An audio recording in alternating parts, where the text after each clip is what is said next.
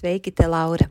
Vai gribi, ka cilvēku jaudas raidieraksts, jeb podkāsts turpinātos ar vēl citām epizodēm par tēmām, kas uzlabo cilvēku dzīves kvalitāti? Ja jā, tad lūdzu palīdzi mums atrast cilvēku jaudas auditorijai piemērotus reklāmdevējus, kuri saprota, cik vērtīga būtu viņu sadarbība ar cilvēku jaudu.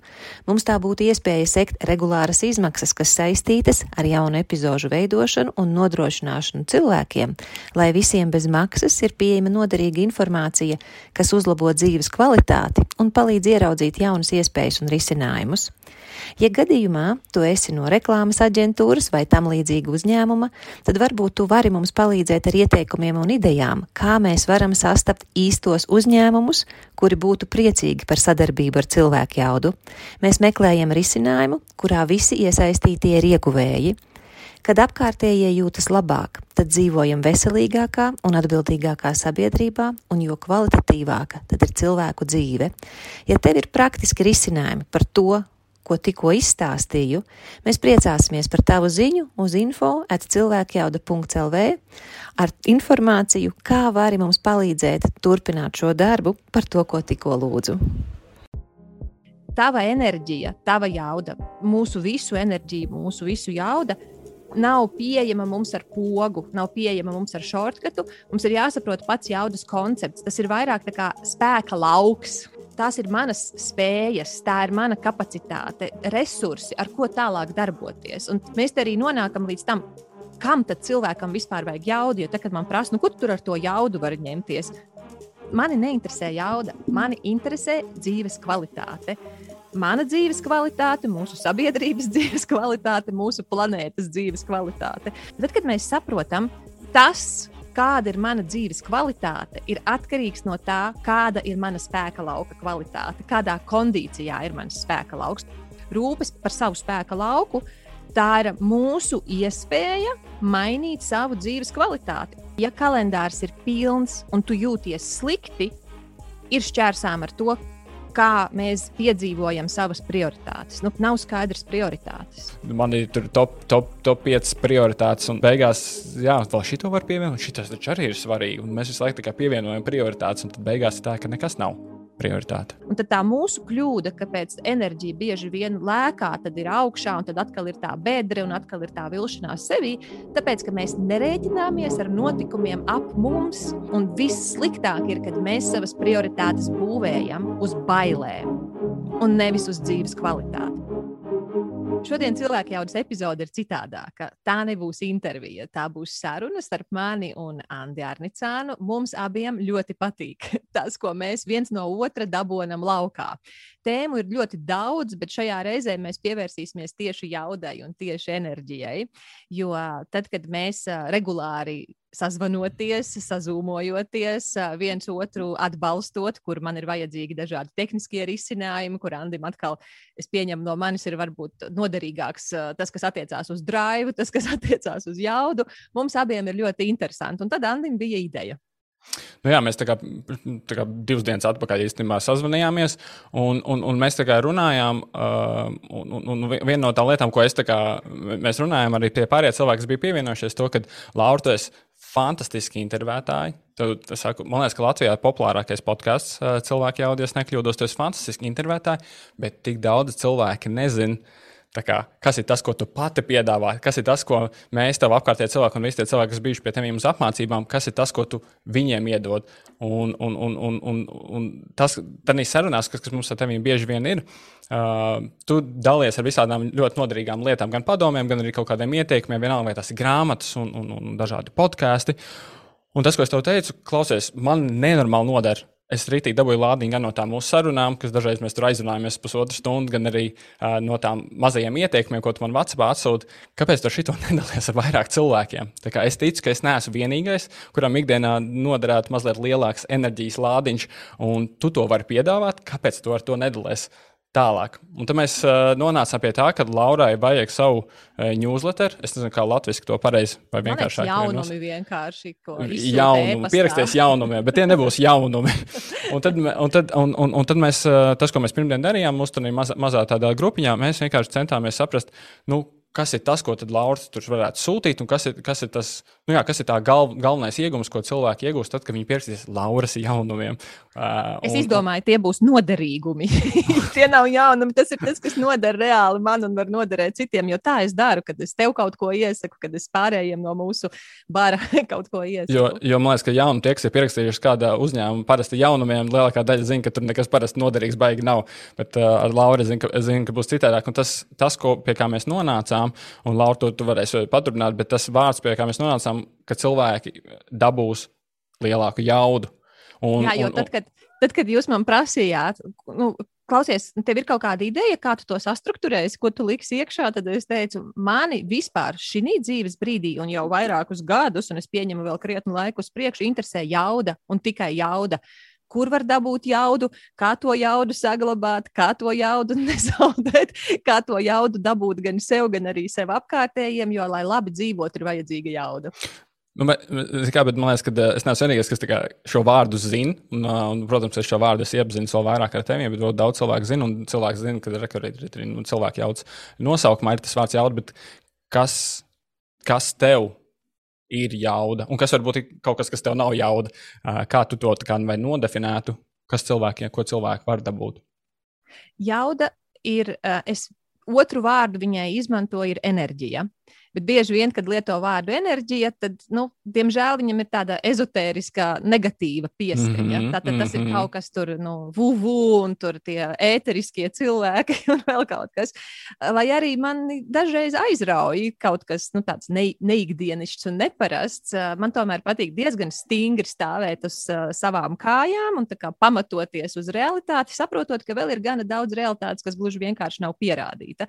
Bet uh, tā kā es esmu zaudējusi bijusi reāli zaudējusi cilvēku savā dzīvē, kur ir nomiruši, tāpēc ka pievēršoties uh, savai veselībai, uh, pievēršoties, nezinu, kaut kādām savām attiecībām, viņi aiziet ezotērikā, kas patiesībā ir vienkārši šarlatānisms. Es esmu ļoti, ļoti uzmanīga ar to, uh, kas, kas ir ok. Un līdz ar to vārdu enerģija, es viņu vairāk lietoju kā jauda. Man liekas objektīvāk. Un tad, kad mēs ar vīru runājām, kas tad ir mūsu darbs, kas ir mūsu darbs ugunsskolā, kas ir mūsu darbs cilvēku jaudā, Mēs sapratām, te ir runa tikai un vienīgi par enerģiju, jo tas, ko mēs savā dzīvē varam dabūt gatavu, tas, kādā kvalitātē ir mūsu dzīve, jebkura cilvēka dzīve, ir atkarīgs no viņa enerģijas.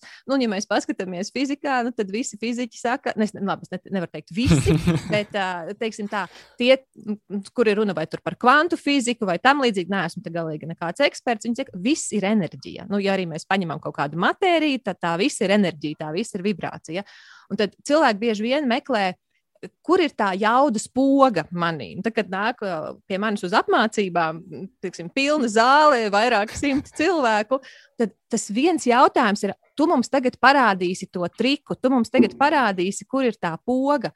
Un tā ir tā lielākā problēma, kāpēc cilvēki pie savas jaudas netiek, uh, vai viņi ret, nu, teiksim, teiksim tā, par retam tiek uh, ar tikai tādiem nelieliem uzrāvieniem. Nu, tādiem izrāvieniem. Jā, jā nu, tīpaši tad, kad liekas, ka mēs sadraud, nu, kā rīktīgi sajiedvesmojamies, aizbraucam uz kādu varbūt pasākumu, satiekam, aizem uz kādu balīti, satiekam kāds draugs, vai, vai mums ir tiešām arī darbā kaut kāds tāds, nezinu, dabūjam paaugstinājumi vai kaut kam ir tāds rīktīgi, rīktīgi augsts. Un tad tā realitāte atkal, kad mēs atgriežamies tajā pašā līmenī, kurām varbūt mēs bijām pirms tā lielā foršā notikuma. Man tā, nu, tā, kā, man tā ir ļoti daudz gadījies, un es zinu, ka maniem apkārtējiem cilvēkiem tā ir.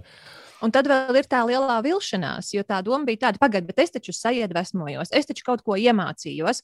Kāpēc man atkal ir tas atkritums? Tātad, es, tātad kaut kas ar mani nav riktīgi. Vai nu cilvēks vainot ar to metodi, vai ar nezinu, to mm -hmm. pasniedzēju, vai ar to vidi, vai, kā, vai ar mani pašu kaut kas nav riktīgi. Bet problēma ir tajā, ka doma ir tāda, man, man tur vajadzēja atrast pogu un man vajadzēja to pogu turēt nospiestu. Neviens jau nedomā tieši šādiem vārdiem. Tas ir nu, metaforiski pārnesot, nu, kāda tā cilvēka uzvedība, kam viņa uh, varētu līdzināties. Un kamēr mēs domāsim, ka ir pogas un shortcuti un uh, nezinu, kaut kādi paņēmieni, man pat ir bijis tā, ka nāk cilvēki pie manis uz apmācībām, nu, īpaši tur, kur ir bijusi runa par attiecībām, tad uh, ir tā, baigi vērtīgi Nevienam nesakiet, me, me, manējās meitenes, jā, vai manējie džeki, jā, ba, nu, kā, bet nevienam citam nesakiet no sērijas, ka tagad būs kaut kāds baigais triks, un, ja nedod Dievs citu uzzinās, tad es būšu mazāk jaudīgs nekā tie citi, un tad atkal, atkal tur nebūs labi. Bet tas būtiskais, kas ir jāsaprot, tava enerģija, tava jauda, mūsu visu enerģiju, mūsu visu jaudu nav pieejama mums ar pogu, nav pieejama mums ar shortcutu. Mums ir jāsaprot pats jaudas koncepts. Tas ir vairāk kā spēka lauks. Ko nozīmē lauks? Tas nav lauks, kurā mēs iesējam graudus, bet tas ir, ja mēs iztēlojamies, nu, nezinu, mēs paņemtu kaut kādu to magnētu, un magnētam tas iedarbības lauks, nu, tas ir apkārt. Nav tikai, kad ar magnētu saskarās, bet, teiksim, ir pa gabaliņu no magnēta.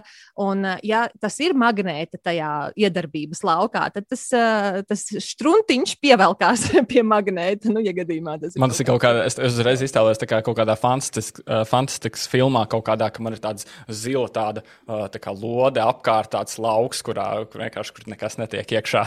Jā, un vēl viena lieta, kā cilvēki bieži vien to sajauc, viņi domā, ka tas ir burbulis. Bet kas ir burbulis? Burbulim ir apvalks un tā kā mm. pa vidu ir tukšs, bet tieši tā tas lauks ir viss piepildīts. Viņš būtu mm. vairāk tā kā pildbumba.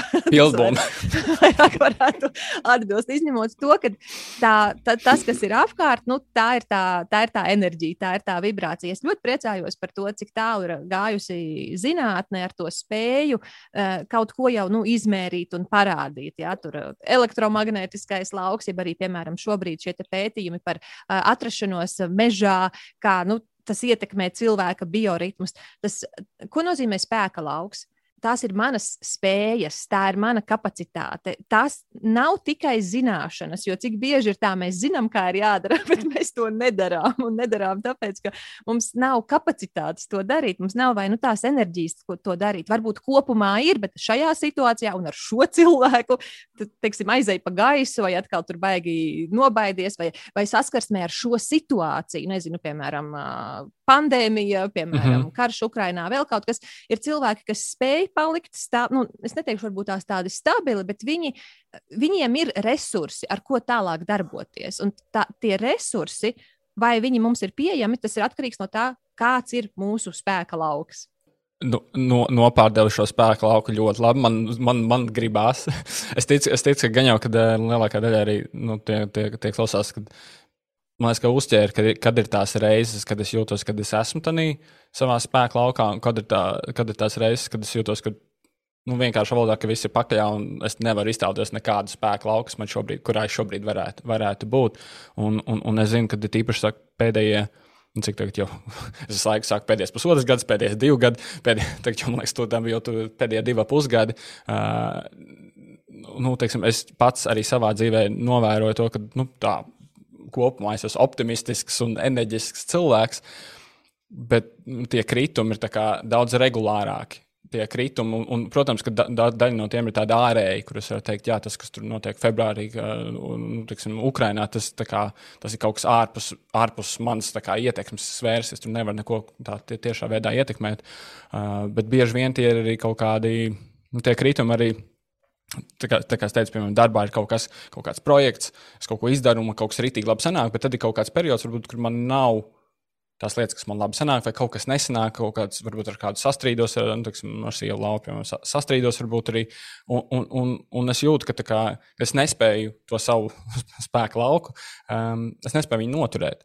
Un, un, un es zinu, ka man apkārtēji cilvēki arī ļoti daudz pārsvarā ir pozitīvi. Man ir nu, ļoti paveicies, man ir ļoti pozitīvi, optimistiski cilvēki, kas ir ikdienā uz risinājumiem e, tendēti. Bet ar vien biežāk es novēroju, ka nu, arī apkārtējiem cilvēkiem ir, ir daudz tie kritumi. Un, un, un, un tagad, kad pasakot to spēku lauku, es pilnībā varu vizualizēt, kad es redzu, ka viņiem tā tās baterijas un tas viņu spēku lauks vienkārši samazinās.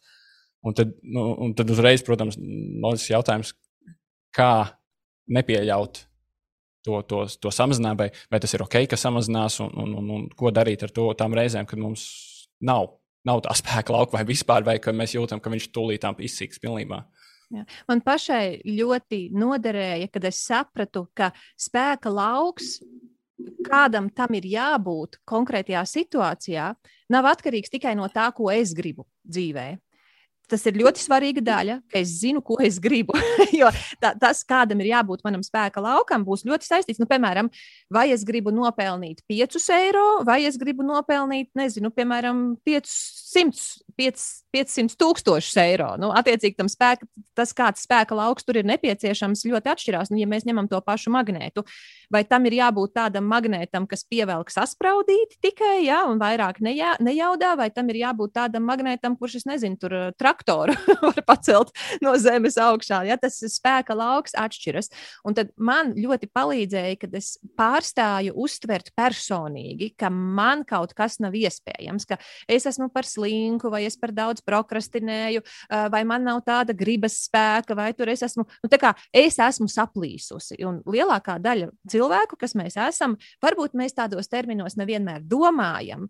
It īpaši, ja mums klājas, nu, tīri ok, mēs tādos terminos nedomājam. Bet, ja mums ir bedre dzīves, ja tur kaut kas mm -hmm. neiet darbā, ar naudu, kad iet drāmķīgi, tad, kad ir daudz stresa un tad, kad lietas nesenāk un, un sāk jau jukt attiecības, tur veselība, vēl kaut kas, tad tiešām ir tā sajūta, ok, mēs varam vainot citus, bet mēs tomēr nonākam līdz tam, kas ar mani nav riktīgi, ko citi tādu saprot, nu, ko es nesaprotu. Tīpaši, man... tīpaši tāpēc, ka mēs klausāmies cilvēku jaudas podkāstus, mēs dzirdam visus šos ekspertus, mēs zinām visu, kas mums būtu jādara. Mums ir tā informācija, mēs tā kā esam gudri bet tik un tā nesanāk. Jā, jo, jo runa nav par to, vai mēs zinām, kas ir jādara. Runa ir par to, vai mēs jaudājam darīt mm. to. Un vai mēs jaudājam, ir atkarīgs no tās mūsu enerģijas. Un no kā tad ir atkarīga mūsu enerģija? Jo tas mūsu spēka lauks, nu, kāds varbūt teiks, viņš tur ir bezgalīgs, bet, nu, ziniet, magnēts varbūt ir bezgalīgs, bet tomēr magnēta iedarbības lauks, nu, nav viņš tik bezgalīgs. Ja? Nu, tur to saspraudīt noliks bišķi tālāk ārpus tā lauka, un tā saspraudīte nu, nepievilksies. Tad tas, kas man ir jāsaprot, okay, kas, ko es varu darīt tajā savā laukā, bet manu lauku ietekmē tas, kas notiek apkārt. Un man palīdzēja, ka es sapratu, ja, piemēram, mēs tagad ņemam māju. Māja ir nu, sava veida lauks. Ja? Visa tā telpa, kas ir manā mājā, ja manā istabā iekšā, tas ir mans lauks. Ja ārā ir mīnus 30, temperatūra, kas ir iekšā, man ir jākurina daudz vairāk. Ja ārā ir plus 30, iespējams, man ir jādzesē daudz prātīgāk. Un, ja es vienkārši konstanti rūpēšos tikai par um, nu, es gribu, lai man te iekšā ir 19 grādi, vai nezinu, varbūt kāds paņems tur 22 grādi, tad attiecīgi, nu, es tā visu laiku dzīvoju, lai man te ir 22 grādi. Nu, tu jau tā vari domāt, bet ja ārā būs mīnus 30, tev būs uh, ar to jārēķinās atkarībā no kāda tev tur tā izolācija apkārt ir. Ja ārā būs uh, plus 30 un, tu, un tā tava māja vai tā tava istaba ir jumta stāvā, nu, tev atkal būs jādomā, kā tu tur pievērsi, nezinu, logu slēģus un, uh, un kā tu vēdināsi un vai tu ierīkosi uh, kondicionieri. Un tad tā mūsu kļūda, kāpēc enerģija bieži vien lēkā, tad ir augšā, un tad atkal ir tā bedre, un atkal ir tā vilšanās sevī, tāpēc, ka mēs nerēķināmies ar notikumiem ap mums, un lai to savu spēka lauku spēka lauka to jaudu saglabātu, tas ir tāpatās kā ar temperatūru. Jā, ārā ir mīnus 30, bet es gribu iekšā plus 22 man ir attiecīgi tā jākurina. Man ir attiecīgi jārūpējas, lai tur nav kaut kādas, nezinu, spraugas, lai nav tur baigā siltuma noplūda. Nu, ja es negribu pa daudz kurināt. Tieši tāpat tā ir attieksme pret savu spēku lauku. Man, man tieši tagad ļoti aktuāli šis te, teiksim, par to, ka ārā ir mīnus 30. Uh, man pirms mēneša piedzima otrs dēls. Es esmu par uh, vēl vienu dēlu bagātāks. Un, un, un, un, un es kaut kādos brīžos novēroju, novēroju sev, ka es braucu pirmdien uz darbu atpūsties. un, un, un, un, un, un reāli man bija kaut kādos brīžos tas, kas kā ne. Nu, Pēc tam ar prātu es saprotu, nu jā, man taču laikam tā kā saka, ka jauniem vecākiem varētu būt izaicinājumi un tā, bet tā, tā, tā pirmā sajūta atkal, kā, atkal, atkal man nav enerģijas. Atkal kaut kas, un es pat ne, nu, man neaiziet līdz tā analīzē, tā kā, hei, nu, tā kā ir ļoti saprotams iemesls, kāpēc tev varbūt nav enerģijas. Un, jā, ka nesanāk aizdomāties, kad nu, es nu, tā, tā, tā atskatos, droši vien godīgi, sev, ka viss ir ļoti centrēts, nu, kad es esmu ļoti centrēts uz sevi. Tad brīdī, kad es visu laiku tikai domāju, okay, kas ar mani, kas es, es, es, es, es bet kas ne, ne, nepaskatos, neatzūmoju kaut kādā ziņā ārā. À, nu, klausies, nu, tā, teiksim, fonā visu laiku tas, kas notiek Ukrajinā, man tas fonā laika ietekmē. Arī man ir uh, bijuši diezgan uh, nepatīkami sapņi, kur es redzu, kā krīt raķetes, piemēram, un es no rīta pamostos, un tad man ir vēl mazs bērns, kur man uh, jārūpējas vēl tāds lielāks bērns.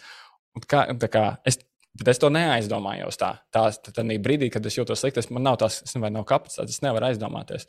Tad, Jā, un, kas... tad ir, un, tad ir, un tad ir tā problēma, kad mums liekas, es esmu pa vāju. Nu, norm, nu, tāds, mm. Kā es no sevis sagaidu būt, ok, nē, es saprotu, tur notiek karš, nu, tas mani uztrauc, bet nu, ne jau līdz tam, ka man nav tā spēka un tik ilgstoši man nav spēka. Ja? Jeb arī ne, nu, daudziem cilvēkiem ir bērni, bet nu, viņi, mēs, mēs redzam to, kas viņiem sanāk, to, kas viņiem nesanāk, mēs lielākoties neredzam. Un tad mēs to, tur tā problēma ir, ka mēs uztveram personīgi, ka mēs savu jaudu mm. uztveram personīgi. Man nav jaudas, tā tad es esmu, es kaut ko nejēdzu, es kaut ko neprotu, kaut kas ar mani nav riktīgi. Bet tad, kad mēs saprotam, tas, kāda ir mana dzīves kvalitāte, ir atkarīgs no tā, kāda ir mana spēka lauka kvalitāte, kādā kondīcijā ir mans spēka lauks. Un mēs te arī nonākam līdz tam, kam tad cilvēkam vispār vajag jaudu. Jo tad, kad man prasa, nu, kur tur ar to jaudu var ņemties, mani neinteresē jauda, mani interesē dzīves kvalitāte. Mana dzīves kvalitāte, mūsu sabiedrības dzīves kvalitāte, mūsu planētas dzīves kvalitāte. Un, ko nozīmē dzīves kvalitāte? Tas nozīmē, kā mēs to dzīvojam. Tad, tad nu, tur ir darbības iekšā, un lai būtu darbības, ir vajadzīga enerģija. Un tāpēc šis rūpes par savu spēka lauku, par savu spēka lauku, tā ir mūsu iespēja mainīt savu dzīves kvalitāti. Un tad, kad mēs nesaprotam, spēka lauka būtību un meklējam pogu, tad mēs vienkārši nu, tā, kā, tā, tā dzīves kvalitāte mums ir ar tādiem uzrāvieniem, bet tādiem diezgan īslaicīgiem uzrāvieniem, un arī sliktas lietas dzīvē notiks tik un tā. Mīļie mm. mirs, mīļie slimos, būs beigies stresi, uh, ik pa laikam būs kaut kādas naudas problēmas, bet, ja tu saproti, ka tas, ta, tiem laikiem, tiem grūtajiem laikiem mēs varam iziet cauri, ja mūsu spēka lauks ir sakarīgākā kondīcijā. Tāpēc, kad tie notikumi būs nenovēršami, mēs neviens nezinām, vai mums savā dzīvē nevajadzēs kaut kad, kaut kādā veidā piedzīvot karu uz savas ādas. Jautājums ir, cik labi mums tas, cik, nu, cik veiksmīgi vai cik sakarīgi mēs tam, tam periodam iesim cauri, būs kādā kondīcijā ir mūsu spēka lauks. Tieši tāpatās, tad, kad cilvēki runā par savu neizdzīvoto potenciālu, ka viņi saka, es zinu, man iekšā ir, bet ārā nenāk, es nezinu, kā kā tam piekļūt klāt. Jā, iekšā ir, un vai tas var iznākt ārā, ir atkarīgs no tā, nu, kā, kā, kāds ir tas tavs spēka lauks. Nu tad uh, man uzreiz, uh, praktisks cilvēks, uh, gribu uzreiz zināt, uh, ja, uh, nu, teiksim, ja es tādā savā situācijā, es braucu pirmdien uz darbu, un es saku, kā novēroju, nu, tā kā es forši es sev pieķeru, ka es tagad esmu tā kā, man ir zema, zema, tā, zema tā enerģija.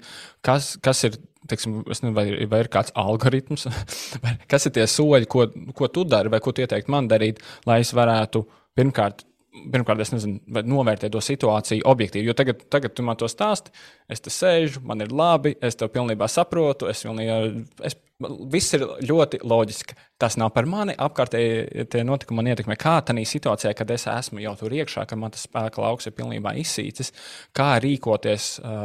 Kā rīkoties? Jā. Viena lieta, ko man ļoti bija noderīgi saprast par sevi, bija, ka Tad, kad ir bedre, nu, piemēram, es sāku slimot, vai, piemēram, es sāku vareni prokrastinēt, man, es zinu, man ir jādara, uz mani gaida, un es nevaru saņemties. Es, ne, nu, kā, es gribu kaut ko citu darīt, es sāku kaut kādas citas lietas. Tad doma ir tāda, man tagad ir slikti. Nē, patiesībā tās jau ir sekas, ka tavs uh, mans spēka lauks jau iepriekš bija vājinājies, jau iepriekš bija sarucis. Un tāpēc mēs to rezultātu parasti redzam ar novēlošanos. Un tāpēc, ka mēs to rezultātu redzam ar novēlošanos, mēs viņu nesasaistām ar, ar spēka lauku kopā. Mums šķiet, ka tātad, tagad man ir slikti, tagad man nav enerģijas. Ja? Un tad ir tas tā, bērns, kurš neguļ vainīgs, ja? jeb vīrs, kurš nesaprot vainīgs, jeb uh, stulbais karš Ukrainā ir vainīgs. Protams, arī tas, bet tā viena lieta, ka mēs dzīvojam ar domu, ka normāla dzīve ir tad, ja viss ir nu, sakarīgi, normāli, labi. Ja? Tad, tā, tad tā ir normāla dzīve.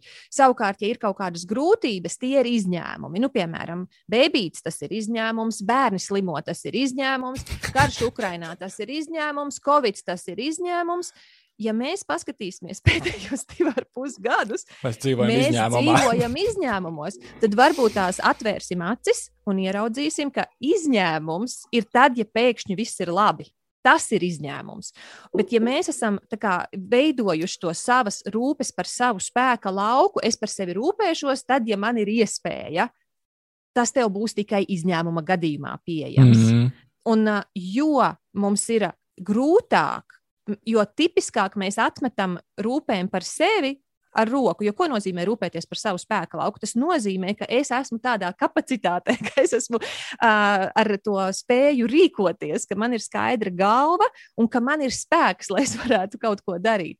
Bet, uh, ja mēs uzskatām, ka tagad ir izņēmuma situācija, man bērnam skolā beigās problēmas, ir man tagad ir jāparūpējās par bērnu. Ja? ja arī es šobrīd esmu procesā, kur man ir jāpārceļās, un tā ir sarežģīta pārcelšanās, man ir jāpārceļ gan dārsts, gan ir jāpārceļ uh, visa dzīves vieta. Tas ir uh, divu stundu brauciens braucienā no šejienes, līdz ar to abi bērni maina skolu, vīram ir jāmaina darbs, man vispār viss, viss pilnīgi mainās. Un tad ir tā sajūta, nu tagad gan es nevaru atļauties sportot, tagad es nevaru atļauties tur pietiekami gulēt, jo šī ir izņēmuma situācija. Nē, nu loģiski, es nepārcelšos, es ceru, atkal pēc pusgada vai pēc diviem gadiem, es ceru, nu vai arī pēc divām nedēļām, es ceru, ka man nebūs vēlreiz jāpārceļās uz vēl kaut kurieni, bet runa jau ir par to, ka tie izņēmumi, ko mēs uzskatām par izņēmumiem un apgrūtinājumiem, viņu paveidi var mainīties. Vai tas būs covid, vai tā būs nezinu, bērnu slimošana, vai tā būs vecāki, kuriem iet grūti un kuri ir jāatbalsta, vai tā būs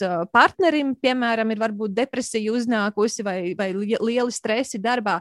Visu laiku jau kaut kas būs, bet tas, kam ir jābūt nemainīgam, ir jābūt mūsu rūpēm par spēka lauku. Mainīsies tas, kā mēs rūpējamies par savu spēka lauku. Jo atceramies, mūsu dzīves kvalitāte ir atkarīga no mūsu spēka lauka kvalitātes, mūsu spēka lauka, to, kā, kā, kā ir jārūpējas, lai tas ir labā kondīcijā, nosaka, kas notiek ap mums. Tātad karš Ukrainā, tas nozīmē, man par sevi ir jāprūpējas kaut kā citādāk, nekā es to darīju līdz šim. Un, protams, tad, kad tas notiek tikko kā pašā sākumā, mums ir diezgan maz nu, kā zināšanu, kā to darīt. Mēs, mēs vienkārši jāsaprot, mēs dzīvojam cilvēka ķermenī ar cilvēka ķermeņa nu, kā, vajadzībām. Un tajā brīdī mēs kā, grābjam visu informāciju, mm. lasām visu pēc kārtas, lai tikai būtu labāk informēti, ja nu mums te pēkšņi sāksies atomkarš. Ja, ja nu man tur ir jāizpērk veikals vai jā, jā, jāsaliek, nezinu, jābrauc, jāsēžas mašīnā un jāmauc pāri uh, visām robežām. Ja. Tas ir normāli. Bet tad, kad mēs jau tajā nu, situācijā jau sākam dzīvot ilgāk, tad ir jāsaprot, ok, bet uh, patiesībā man, manā spēka laukā mīnus 30 grādu uh, augstumā apkārt man reāli ir lokus vaļā konstanti un durvis vaļā. Ja? Un tad es brīnos, kāpēc man tā salst, kāpēc man nav spēka kaut ko izdarīt, kāpēc man nekas neliekās vairs būtisks. Tāpēc, ka tu jau tur tūlītās nosals, jo tu esi atvēris logu un durvis, un viri, ja arī tiksim, regulāri viņus virini ar tām, ar tām ziņām, ar tiem uztraukumiem, kam ir kaut kāda vieta, bet nu, um, kaut kā sakarīgā apjomā. Jā, es, es domāju, ka es neesmu vienīgais arī, kas kaut kādā brīdī, nu, kā ir brīdis, kad tu esi informēts, un ir brīdis, kad tu vienkārši, kā es arī jūtu, ka es kā kāpju vairāk un vairāk, un pilnīgi es jūtu, ka man tas ir slikti. Tas, ko es šobrīd daru, ka es nejūtos labāk, un es ne, nejūtos, ka tas man kaut ko dod, bet es tā kā tā, tā kā dzīvnieciski kampju vairāk informācijas, jo man liekas, ka tas ir tas, kas man tajā brīdī jādara. Jā, mums ir jārēķinās. Mums ir jārēķinās ar to, ka mēs dzīvojam savā tajā nu, dzīvnieka ķermenī. Nu, mūsu bioloģija ir tā kā jebkuram dzīvniekam, kā mēs uh, dzimstam, kā mēs mirstam, ka mums vajag ēst, ka mums vajag iet uz toleti, mums ir skābeklis vajadzīgs, mums ir jāelpo, mums ir vajadzīgs, nezinu, tur vairoties. Nu, tās funkcijas mūsu ķermenī ir, ir ieliktas pašas uh, savā būtībā. Bet es gribēju atgriezties pie vienas lietas. Tu teici, ok, tagad man ir bedre, nu, ir slikti, nu, kas, man, kas man tagad ir jādara? Man uh, liekas, ka viena no būtiskām lietām ir saprast, kas man tagad nav jādara. Un šī man bija visgrūtākā lieta, ko apgūt, un es laiku laiku pa laikam uz viņas pakrītu. Tāpēc es viņu lieku sev uzrakstus, kā, lai es atcerētos. Un tas ir neticēt savām domām, jo tad, kad mums ir slikti, tad ir tā sajūta, šim nav jēgas, vai es neko nejēdzu, vai arī ai, nu, kurš tad pirks manus pakalpojumus, ja, jeb arī, ai, man jau nav izredzes te kaut ko sakārtot, jeb arī, protams, mēs varam iet arī vainošanā. Man nekas nesanāk, jo viņš vai viņa kaut mm. ko tur. Un tas, kas ir jāsaprot, mūsu spēka lauks tajā brīdī ir drāmīgs, nu, drāmīgā kondīcijā, un attiecīgi tas ietekmē to, ko mēs domājam. Tajā brīdī mūsu skats uz realitāti nav objektīvs. Tajā brīdī mūsu skats uz realitāti ir aptumšojies, ir pavārdzinājies. Un viss nu, neizdevīgākā lieta, ko mēs nodarām, ir, ka mēs pieņemam uh, lēmumus. Man ir cik reizes bijis tā, ka es domāju, viss beidzot to cilvēku jaudu. Tas ir tik grūti, tas ir tāds darbs. es, esmu bijis tāds... es esmu bijis arī tādā sarunās. Un tad, tad mēs, tad, jā, tad, tad mēs apkārtēji cenšamies atgriezties realitātei. Jā, jā. Un tas, tas, kas ir vajadzīgs, tā ir pirmā palīdzība. Te, te, te, to varētu salīdzināt, tad, kad mums ir zemes spēka lauks, ja kā mēs sakām, man ir enerģijas bēdra, man neko negribās, man vai, vai man varbūt viss ir vienalga. Viss vienalga ir vēl sliktāk nekā, nekā kad ir vienkārši, vienkārši slikti. Mm. Tad galvenais, tas ir tāpat kā cilvēks būtu saindējies. Viņu vajag atkačāt. Ja, ja nu, teiksim tā, saindējies, piemēram, ar alkoholu. Un tad pirmais ir, ko mēs darām, ja kāds ir dzēris nu, nebrauc pālī. Un ko nozīmē dzīvē, nu, nebraukt pālī? Tas nozīmē nepieņem lēmumus, neizdomā tagad, es beidzu, piemēram, cilvēku jaudu. Ja, ja teiksim, cilvēks ir pālī, viņš es šķiros. ja, mm -hmm. es, ja, cik, cik reizes cilvēki ir nometuši atlūgumu darbā uz galda, pārs, pārsteidzoties. Nevis tad, kad tas ir normāls un tāds izsvērts lēmums, bet pārsteidzoties, ja jeb sarunā visādas eh, riebeklības lielos apjomos sev būtiskiem cilvēkiem, tāpēc, ka tu esi pālī tajā laikā, bet nu, tā kā promiļu reāli ko izmērīt nav, tad neviens tevi nesapratīs, ka tu tajā brīdī esi pālī un pats arī sevi nesapratīs. Tā kā pirmais ir ej izgult dzērumu, ej izgult pāli. Ja? Un, un, un ar to pāli es saprotu to to savu enerģijas, drāmīgās kondīcijas pāli. Ja? Kaut vai miegs ir viens, otrs ir kustības. Pilnīgi noteikti. Ja, ja ir sajūta, ka uh, man, nav, man nav spēka, tad liekas, nē, nu es jau tagad nevaru iet staigāt. Man taču nav spēka, man taču vajag iekrist uh, divānā un, un, un skatīties savu, savu telefonu. Tad atkal mēs nesaprotam to, kā ir uzbūvēta mūsu, nu, mūsu bioloģija. Ja mēs skatāmies šajā ekrānā, mēs esam nokoncentrējušies uz to mazo, mazo platību, vienalga vai tas būtu telefona ekrāns vai datora ekrāns mēs tajā brīdī nepalīdzam sev caur to, ka, piemēram, ja mēs esam laukā, mēs staigājam, mēs kustamies, vai mēs braucam ar velosipēdu, vai varbūt tās mēs skrienam. Tad, kad tā ir kustība, ko radām mēs paši, mums mainās tas tie skati, tas apvārsnes ap sevi. Tas ir kā, dabīgais antistress, nu, destresors, kas noņem nost to stresu. Bet, ja es man tagad viss besī, man nav spēka, es iesēžos tajā savā, nezinu, dīvānā vai, vai krēslā vai uz poda, teiksim, kur liela, mm -hmm. liela daļa no mums skatās šajos ekrānos, jo te taču beidzot es taču neko citu paralēli nevaru darīt. Ja? Nu, Mieres un klusums. Skatīšos ekrānu, jā, un tad mēs, mēs, mēs tā kā vēl vairāk pastiprinam to savu stresa līmeni. Mēs, mēs turpinam nolaist enerģiju no tā sava spēka lauka. Kas tev ir kaut kā tāda viena lieta, Tāpēc, tas, ko es arī sev saklausīju, ir tas, ka tajā brīdī, kad es piefiksēju, tad es redzu, ka man kalendārs, kalendārs ir pilns, man tur bērns jāizņem ārā no dārziņa, un man nav. Nu, tā, nu, es, tā sajūta, protams, es tagad tā sakot, tā sajūta ir tāda, ka man pat nav laika, tur, uh, pat, man nav laika pagulēt. Nu, kā, un, un, un, un kas ir teiksim, tāda, tāda lieta, kuru var izdarīt visīsākajā laika posmā, un ka, varbūt tieši personīgi arī tev, un kas tevi iedod to visvairāk, uh, nu, vis, visvairāk ļauj izgulēt to pālu, par kuru mēs runājam, visīsākajā laika, laika posmā. Kas, kas ir tā lieta tev, piemēram, pašai personīgi? Mm -hmm pālis, kas ir saistīts ar tā saucamo overwhelm. Es tagad domāju, kā latviešu nosaukt overwhelm. Nu, kad ir cilvēks ir pārņēmies, kad, viņam ir par daudz, daudz kad visa kā pa daudz. Kā ir pa daudz, jā. Iemesls šim pālim ir, ka nav skaidrs prioritātes. Jo, ja kalendārs ir pilns un tu jūties slikti, ir šķērsām ar to, kā mēs piedzīvojam savas prioritātes. Nu, kad vai nu mēs nesaprotam savas prioritātes, vai pat ja mēs saprotam savas prioritātes, kā jau teicu iepriekš, zināt, neko vēl nenozīmē. Tikai ja mēs darām, tas norāda, vai mēs saprotam savas prioritātes, vai mēs nesaprotam savas prioritātes. Un tad bieži vien ir jautājums, bet man ir viss prioritārs. Ja? Un tu jau, Andi, man liekas, ka tu šo ļoti labi vari izstāstīt par vārdu prioritātes. Es esmu bijusi tavā lekcijā, kur tu cilvēkiem ļoti skaidri pasaki, kas ir prioritāte. Varbūt tu vari izstāstīt. Jā, es noteikti ieteiktu vienu no manām mīļākajām grāmatām. Ir, ir Latvijas valodā, man liekas, ka viņa nav tulkota, bet Greg, Greg McEwen uh, Essentialism. Un, un, un, un tur viņš ļoti, ļoti forši pastāstīja par to, ka šis vārds prioritāte īstenībā nozīmē, nu, kā es pareizi atceros, uh, ka tā ir viena lieta, kas nāk pa priekšu. Un tur pēc definīcijas viņa, viņa nav. Viņa, tas ir viens skaits, viņa var būt tikai viens skaits. Nevar būt vairākas, protams, jo nevar būt vairākas lietas, kas iet pa priekšu, kur tad ir tā, tā īstā. Un tas ir tas, kur kaut kādā brīdī mēs aizmirsām mēs aizmirsām, un mēs, mums arī darbā ir mūsu šī gada septiņas prioritātes, mūsu personīgās dzīves, tur man ir tur top, top, top 5 prioritātes. Un, un, un, un, un kad beigās, jā, vēl šito var pievienot, šis taču arī ir svarīgi. Un mēs visu laiku pievienojam prioritātes, un tad beigās tā, ka nekas nav prioritāte. Jā. Un es uh, vakardien uh, klausījos sarunu, bācis, es tagad neatcerēšos šī zinātnieka vārdu. Man šķiet, ka Dan Gilberts, jā, Dan Gilberts, mm -hmm. kur uh, viņam uzdeva, nu, viņš ir ļoti daudz pētījis par to, par dzīves kvalitāti tieši, jā, un arī par, par laimi, par laimi, un tas, ko viņš, un tas, ko viņš tur atbildēja, ir, grib būt laimīgs, dari mazāk, bet vairāk. Nu, doma mm -hmm. to dari mazāk, fokusējies uz to, kas ir prioritāte, un to, kas ir prioritāte, to dari vairāk. Tad mazāk lietas, bet katru lietu, ko tu dari, dari vairāk. Tā, tā, tā, tā es pareizi saprotu.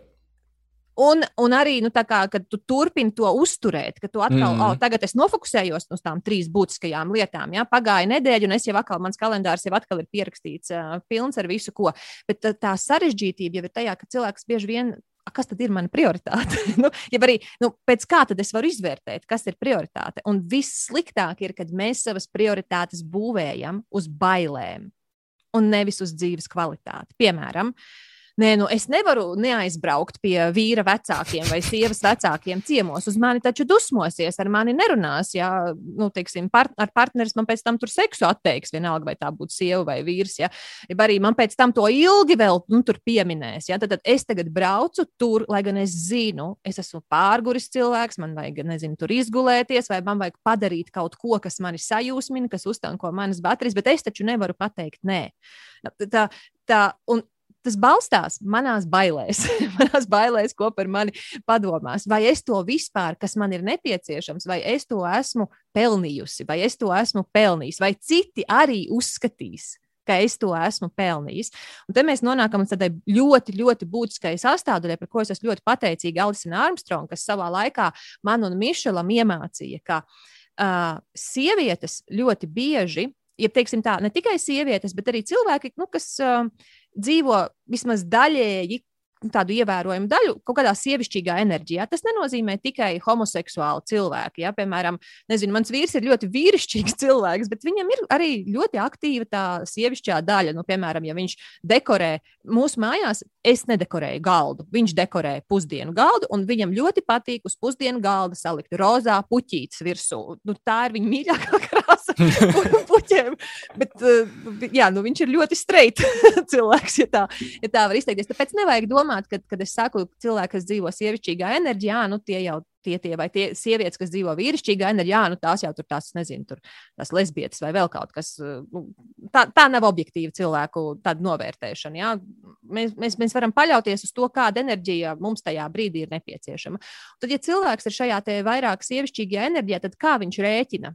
ko es drīkstu, ja? ko, es, ko es esmu pelnījusi, ko es varu atļauties. Ir, ko es, ja man ir, piemēram, attiecībās jāprasa, klausies, nu es negribu braukt pie, tā, pie tiem vecākiem, ja? tad es rēķinu, cik es esmu tavā labā darījusi. Mm -hmm. Plus, cik es esmu tavā labā ziedojusies, ja, nu, tiksim, es te tagad tavus bērnus audzinu, nu, es domāju, mana vīra bērnus, piemēram, ja, es tur sēžu mājās ar viņiem, viņi pusdienās nāk, es tur esmu, ja, tev tur nav par to jāuzstāv. Tā, tā ir ziedošanās, jo es labprāt, varbūt arī pusdienās nebūtu vienmēr. Tā varbūt vēl bieži vien tas otrs cilvēks pat, pat nezina, ka tu ziedojies, tā kā jā, viņš vēl nav informēts. Lielākoties viņi nezina, ka tu ziedojies, jā. Un, un, un trešā lieta ir, cik es esmu svarīgāka par tevi vai svarīgāks par tevi. Tā kā hierarhija, tā kā, kurš tur kā, ir priekšnieks? Kā es esmu tur... izdomājusi? Jā, ja, piemēram, protams, darba vietā tas būs, nu, ja es esmu tavs padotais, tad tu esi mans priekšnieks. Bet, ja es esmu tavs padotais, bez kura tavs biznesa aizies pa pieskari. Aha, mans svarīgums, neskatoties uz to, ka tu esi mans priekšnieks, mans svarīgums ir tikko ievērojami pieaudzis. Ja? Jeb arī, ja mēs esam mūsu ģimenē, un, piemēram, ļoti daudz ir tādu ģimeņu, kurās sievietes pelna vairāk naudas par vīrieti, ja? attiecīgi, nu, es esmu svarīgāka par tevi. Ja? Jeb arī, piemēram, varbūt es esmu populārāka, vai man ir, piemēram, kaut kāda vairāk vara. Nu, tur, tur, tas ir, ir ļoti neobjektīvi no, novēr, nu, novēr, novērtējumi. Neviens nevarētu izmērīt, vai tiešām kāds teiktu, nē, tu esi mazāk svarīga, un kāds teiktu, tu esi vairāk svarīga. Tas ir ļoti pierakstīt, fo, pierakstīt Jā, formulu tur, precīzi. Un... Tāpat tās kā nav iespējams, zini, cik es tas tavā labā darījusi. Ja? Piemēram, viņš prasīs, nu, ko tu tieši esi manā labā darījusi. Un, piemēram, es savam vīram kādreiz pirms vairākiem vairākiem gadiem teica, es tev vienmēr taisu tādus labus ēdienus. Un viņš man tā arī pateica, man nevajag. Es varu ēst ļoti vienkāršu ēdienu. Es varu ēst trīs dienas vienu un to pašu, bet es jau to tā kā esmu ierēķinājusi. Es to esmu tik daudz izdarījis. Nu, tā tad es esmu pelnījusi. Viņš nu, man, tika... man, man, tā ir, man tā ir. Es arī, es arī ēst, un es arī, tā, nu, tā, tā, tā zinu, ka es taisu ēst. Man arī patīk tur izeksperimentēt un uztaisīt kaut ko tādu, un tas man paņem daudz laika, un es jūtos nogurs, un tad man tā kā pienākās. Un tā tad tu esi pelnījis. Jā, jā es esmu pelnījis, un tad mēs, mēs arī ar Lauru, sievu Lauru, arī runājam, bet viņi saka, es varētu pelmeņus ēst. Tad, kā, un tad, es, tad bija tā, ka man bija jābūt mazliet godīgam, ka es priekš sevis to darīju, un es īsti nevaru pie viņas iet tā ar tādu uh, uzstādījumu. Jā, nu, lūk, tātad tie, tie, kam vairāk ir šī sievišķa enerģija, tie tā kā sarēķina, uh, ko es tavā labā darīju. Ļoti liels nu, tas kā, punkts ir, ko es tavā labā ziedojos. Ja? Mm -hmm. Un mhm. tad, cik es esmu svarīgāka par tevi. Un, ja es, piemēram, nolēmu, bet es neesmu svarīgāka par tevi, nu, tu pelni vairāk, Uh, nu, nu, tu tur dari darbu, kas varbūt tevi totāli nesajūsmina. Jā, tātad tu ziedojies mūsu ģimenes labā. Es neesmu pelnījusi neko tev tik daudz prasīt. Nu, man ir, jā, kā, tu esi laikam vairāk pelnījis, es neesmu tik daudz pelnījusi, tāpēc es tagad ierēķināšu rūpes par sevi, savas vajadzības. Tad, kad tev tas netraucē. Nu, es tagad nevaru tev prasīt, klausies, pieskati bērnus, ja tu esi pārnācis no darba, tagad vēl pieskati bērnus. Nu, taču, nu, nē, nu, man jāļauj tev atpūsties. Ir, ja? ja arī tu gribi tagad, lai mēs pavadām brīvdienas kopā, tu esi tur nostrādājis, nu, es tev tagad nevaru pateikt, klausies, es beidzot gribu viena pati pabūt brīvdienās. Visnus. Tad būs, ko bērni par mani padomās, ja? ko, ko, ko, ko, ko cilvēki runās, nu, vīrs tur vai, vai sieva tur, nezinu, tur sapīgs vai tam līdzīgi. Un atkal mēs nerūpējamies par sevi. Ar domu, ka rūpes par sevi mums ir jānopelna, kur mēs mm -hmm. nesaprotam reāli to spēka lauka darbības principu. Spēka lauks ir tad, ja viņam ir avots, no kā būt spēcīgam. Tad mēs arī esam jaudīgi. Nu, ja es, piemēram, to salīdzinu ar dārza metaforu, ja, man ļoti svarīgi ir, lai man labi tomāti izaug. Un tagad, ja es teiktu tā saviem tomātu stādiem, tad, kad jūs dosiet man labu ražu, tad, kad būs labi tomāti, tad es jūs aplaistīšu, tad es jūs ap, apmēslošu, un tad es jums iedošu saules gaismu. Nu, kas no tā visa sanāk? Tad, kad nu, tās lietas nu, darbojās otrādi, vajag saules gaismu, vajag laistīt, vajag, vajag mēslot, vajag ļaut vietu, kur augt, un tad var gaidīt ražu par sevi mums to ir pagrūti saprast. Un tagad par vīrišķo daļu. Jā, es to uzreiz gribēju prasīt. Bet atkal, tas neatieksies tikai uz vīriešiem. Tas attieksies arī uz uh, daudzām sievietēm. Es arī esmu viena no viņām, kur es diezgan bieži rēķinu to šādu. Un kā to cilvēks rēķina? Viss labais, ko es pa savu dzīvi esmu darījis, mīnus viss sliktais, ja? viss draņķīgais, ko es esmu sastrādājis. Un, uh, kā tad ir tā bilance? Un, ja cilvēkam ir sajūta, nu es jau neko lielu neesmu izdarījis, ja arī es esmu izdarījis kaut ko tik sliktu, kad ir tā sajūta, man tur ir mīnus, vai man ir sajūta, nu, man ir kaut kādi plusi, bet viņi nav lieli plusi. Un, attiecīgi, tad es sev nevaru prasīt. Un, ja mēs paskatāmies, piemēram, uz tiem, kas ir nu, es visiem tādu naudu nopelnīju, man tur tajā ģimenē visiem ir tā viss nodrošināts. Ja? Un uh, es jau sev neko daudz neprasu. Tas, ko es sev prasu, es jau pati tur nopelnu, vai ne?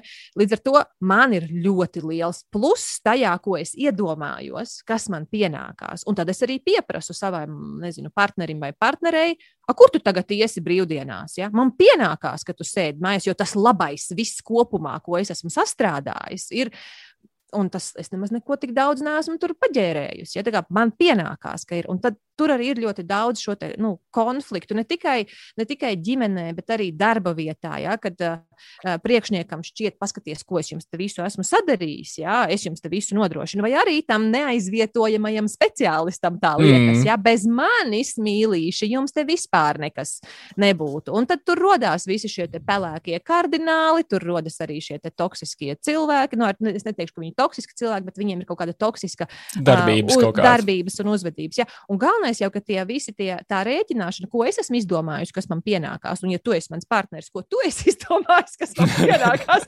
tad tā bilants var nesakrist. un tad tur ir tādi pamat, nu, pamatīgas vēl visādas saķeršanās. Viņas ar bērniem arī var nesakrist. Cik daudz ir tādi vecāki, ja, kas saka saviem bērniem, es tev visu dzīvi ziedoju. Mm. Ja? Pirmkārt, tev kāds prasīja man taisīt augšā. Es tev teicu, uzražo mani ja? uz mm. šīs drausmīgās planētas. Diez vai es to vispār būtu gribējis.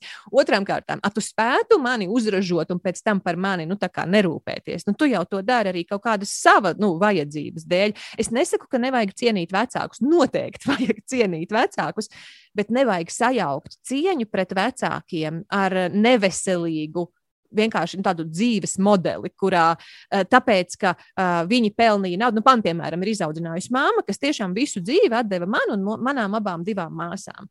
Bet tā bija viņas izvēle tā darīt. Es esmu ļoti pateicīga, ka tā bija viņas izvēle. Bet es nevaru to atmaksāt savai mammai atpakaļ. Jā, es par viņu rūpējos. Jā, man ir svarīgi, lai viņai klājas labi, un es to darīšu. Bet tas nav tā, ka es ziedošu savu dzīvi savai mammai tagad. Uh, es to varu atdot saviem bērniem. Tas, kā es rūpējos par saviem bērniem, es to varu atdot, nu, nezinu, eh, piemēram, nu, teiksim, kaut kur savā darbā, kur, ja, pieņemsim, es palīdzu citiem cilvēkiem, nu, es tur to varu atdot. Tas nenozīmē, ka es teikšu mammai, nē, nu, viss es to atdodu tikai saviem bērniem, tu man tur, nu, neesi svarīga. Tāpat tās ir, bet samērīgi, tā kā nu, saprātīgi. Bet trakais ir, ja cilvēks par sevi jūtas, ka uh, es kaut ko sliktu izdarīju, vai ka es esmu slikts cilvēks, vai ka es neesmu pietiekami labs cilvēks. Ja es tur nezinu, noslinkoju, neizvēlējos nepareizās studijas, piemēram, ja arī uh, man tur bija tāds grūts nu, periods, un tie cilvēki man tur tik daudz palīdzēja, vai mani vecāki tik daudz palīdzēja, vai mans partneris tik daudz man palīdzēja. Es kaut ko ļoti sliktu izdarīju. Vai arī, piemēram, ir nu, tāds, nu, tāds morāli negatīvs notikums cilvēka dzīvē. Tā, tās ir situācijas, ar ko es esmu saskārusies savā dzīvē, kad es redzu, ka cilvēks neatļaujas rūpēties par sevi, jo viņam uz nu, sirds gulstās kaut kāds nu, tā, tas, ko viņš uztver, ļoti slikta lieta. Piemēram, kāds ir, uh, es zinu, cilvēks, kas ir uh, nobraucis kādu. Nu, netīšām, bet mhm. tomēr. Mm -hmm. Es zinu cilvēkus, kas, piemēram, nezinu, uh, neatbildēja telefonu zvanu, tāpēc, ka sastrīdējies bija ar partneri un zvanīja kad ir nepieciešamas tās sirds zāles, lai laicīgi aiznes. Nepacēla telefona klausuli, partneris nomira. Un tad visu dzīvi nu, cilvēks sevi vaino pie tā, ka nu, es izdarīju kaut ko sliktu. Es esmu, nu, tas ir no kurienes arī tie mīnusi radās. Daudz tas, mīnusi... tas ir saku, manā, man, man, teiksim, mans konkrētais, tā kā es teicu, tā kā tu arī pareizi teici, ka varbūt gan tas, tas ko es minēju, tā kā sievišķais un tas vīrišķais man ir kā, ļoti izteikts. Mikslis, novērots, mikslis, jā, man ir jā. ļoti izteikts tas mikslis. Uh, teiksim, tādās ikdienas situācijās es nu, rītīgi novēroju to, ka es tur uzstāju sēnes un tur no pienāks, bet es jūtu, ka man ir visam tam fonam, tas, tas lielais, kas man vēlkās līdzi, ir tas, ko es esmu, tur, es esmu skolas laikā darījis pār saviem klases biedriem. Kad, kad man bija, es nezinu, cik man bija gadi, es joprojām atceros konkrētas situācijas, konkrēts cilvēks, kam es esmu kā, darījis pāri, un es esmu bijis tas sliktais, man ir tā sajūta, ka, nu, tā kā, nu jā, ka, tas, ka man tagad nepienākās kaut kas, jo es nevaru būt tik priecīgs, vai es nevaru tā parūpēties sev, jo pats, kā es esmu nodarījis citiem cilvēkiem pāri, un kādas ir ietekmējis viņu dzīves, un kas viņiem varbūt slikti nociest tikai tāpēc, ka es viņus tur bulijoju uh, skolas laikā. Jā, un tagad iedomājies tajā situācijā, par kuru tu jautāji. Tad, kad enerģija ir lejā, nu, kā tu teici, esmu pakaļā vai ne, nu, nav mm -hmm. tas mhm. labākais brīdis. Tad mēs šo savu to cik es esmu pelnījusi vai kas man pienākās, mums liekas, nekas man nepienākās, ja man maz pienākās. Nu, katrā ziņā mēs sev nedodam to iespēju un tā ritīgi uh, parūpēties par sevi tajā brīdī. Pareizāk sakot, nav pat svarīgi tajā brīdī, kad mēs jau esam tajā dziļajā bedrē un tūlīt būs nu, pavisam briesmīgi. Tad mēs jau sākam rūpēties par sevi, jo nu, ieslēdzās izdzīvošanas instinkts.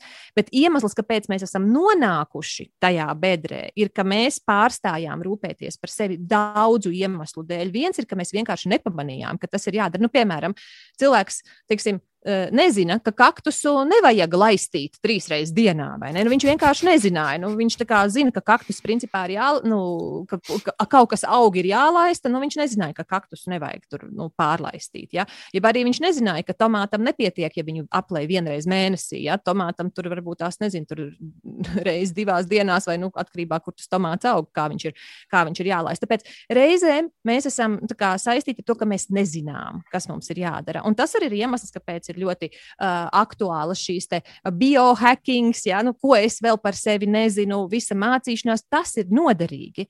Bet atkal, zināšanas mums ir pieejamas grandiozā, kolosālā apjomā, kā vēl nekad. Mēs esam vis, eh, kā es teiktu, lielākie veiksminieki salīdzinot ar jebkuru citu iepriekšējo pieaudzi, bet, paudzi. Bet problēma ir tā, ka mēs turpinam meklēt zināšanas vēl un vēl, bet mēs neskatāmies, kā es viņas ieviesīšu savā ikdienā. Un, un to, kā es viņas spēšu ieviest savā ikdienā, uzlabot savas dzīves kvalitāti, nosaka, kādā kondīcijā ir mans spēka lauks, vai man ir enerģija, vai man ir šī jauda, un vai arī es esmu sevi pietiekami nu, izskolojusi ar pozitīviem, noderīgiem ieradumiem. Atgriežoties pie tā, kas tad ir tas, nu, mēs runājam arī par tām prioritātēm, un, un kad, kad mums viņas visbiežāk lielākajai daļai cilvēki ir, ir par daudz, un kad varbūt mums vajadzētu darīt mazāk lietas, bet, bet tās, tās, kas mums strādā, darīt vairāk, man liekas, tas, tas, tas ir tas 80-20 princips, kā, kad maz, maz lietas, kas dod, visli, darīt maz lietas, kas dod vislielāko pozitīvo to, to, to efektu.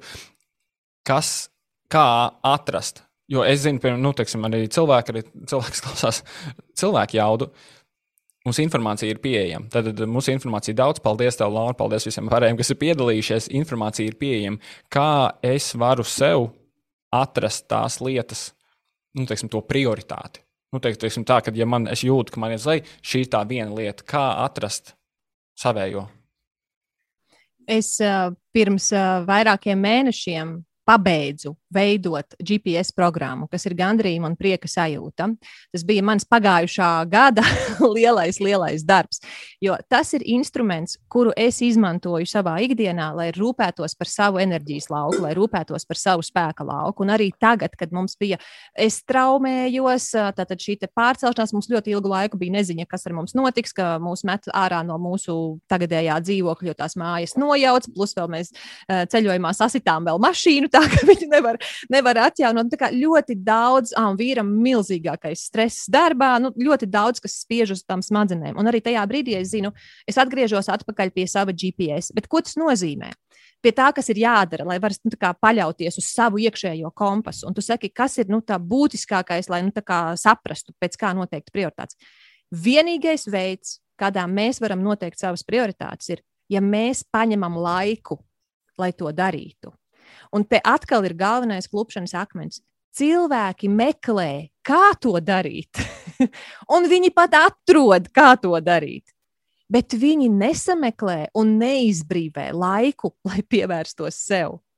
Mums ir, ja es skatos mūsu GPS dalībnieki, kuriem ir uh, kuri man nu, raksta. Es, nesen bija tāda situācija, kur es teicu, ok, ņemot vērā to, ka bija nu, karš Ukrainā, nu, ir vēl joprojām karš Ukrainā, nu, visas tās grūtības, kas ir, mēs izsludinām vēl vienu uh, uzņemšanu šajā, te, mm -hmm. šajā te projektā.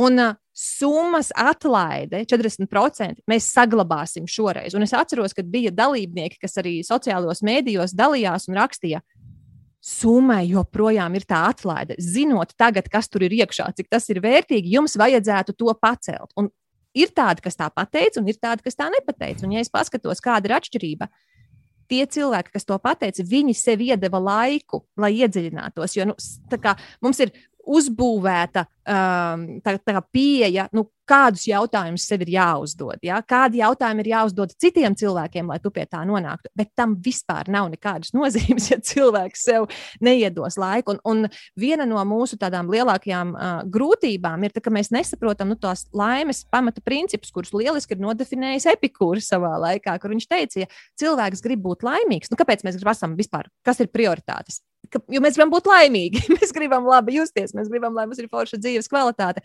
Viņš pateica trīs lietas. Pirmā lieta - brīvība.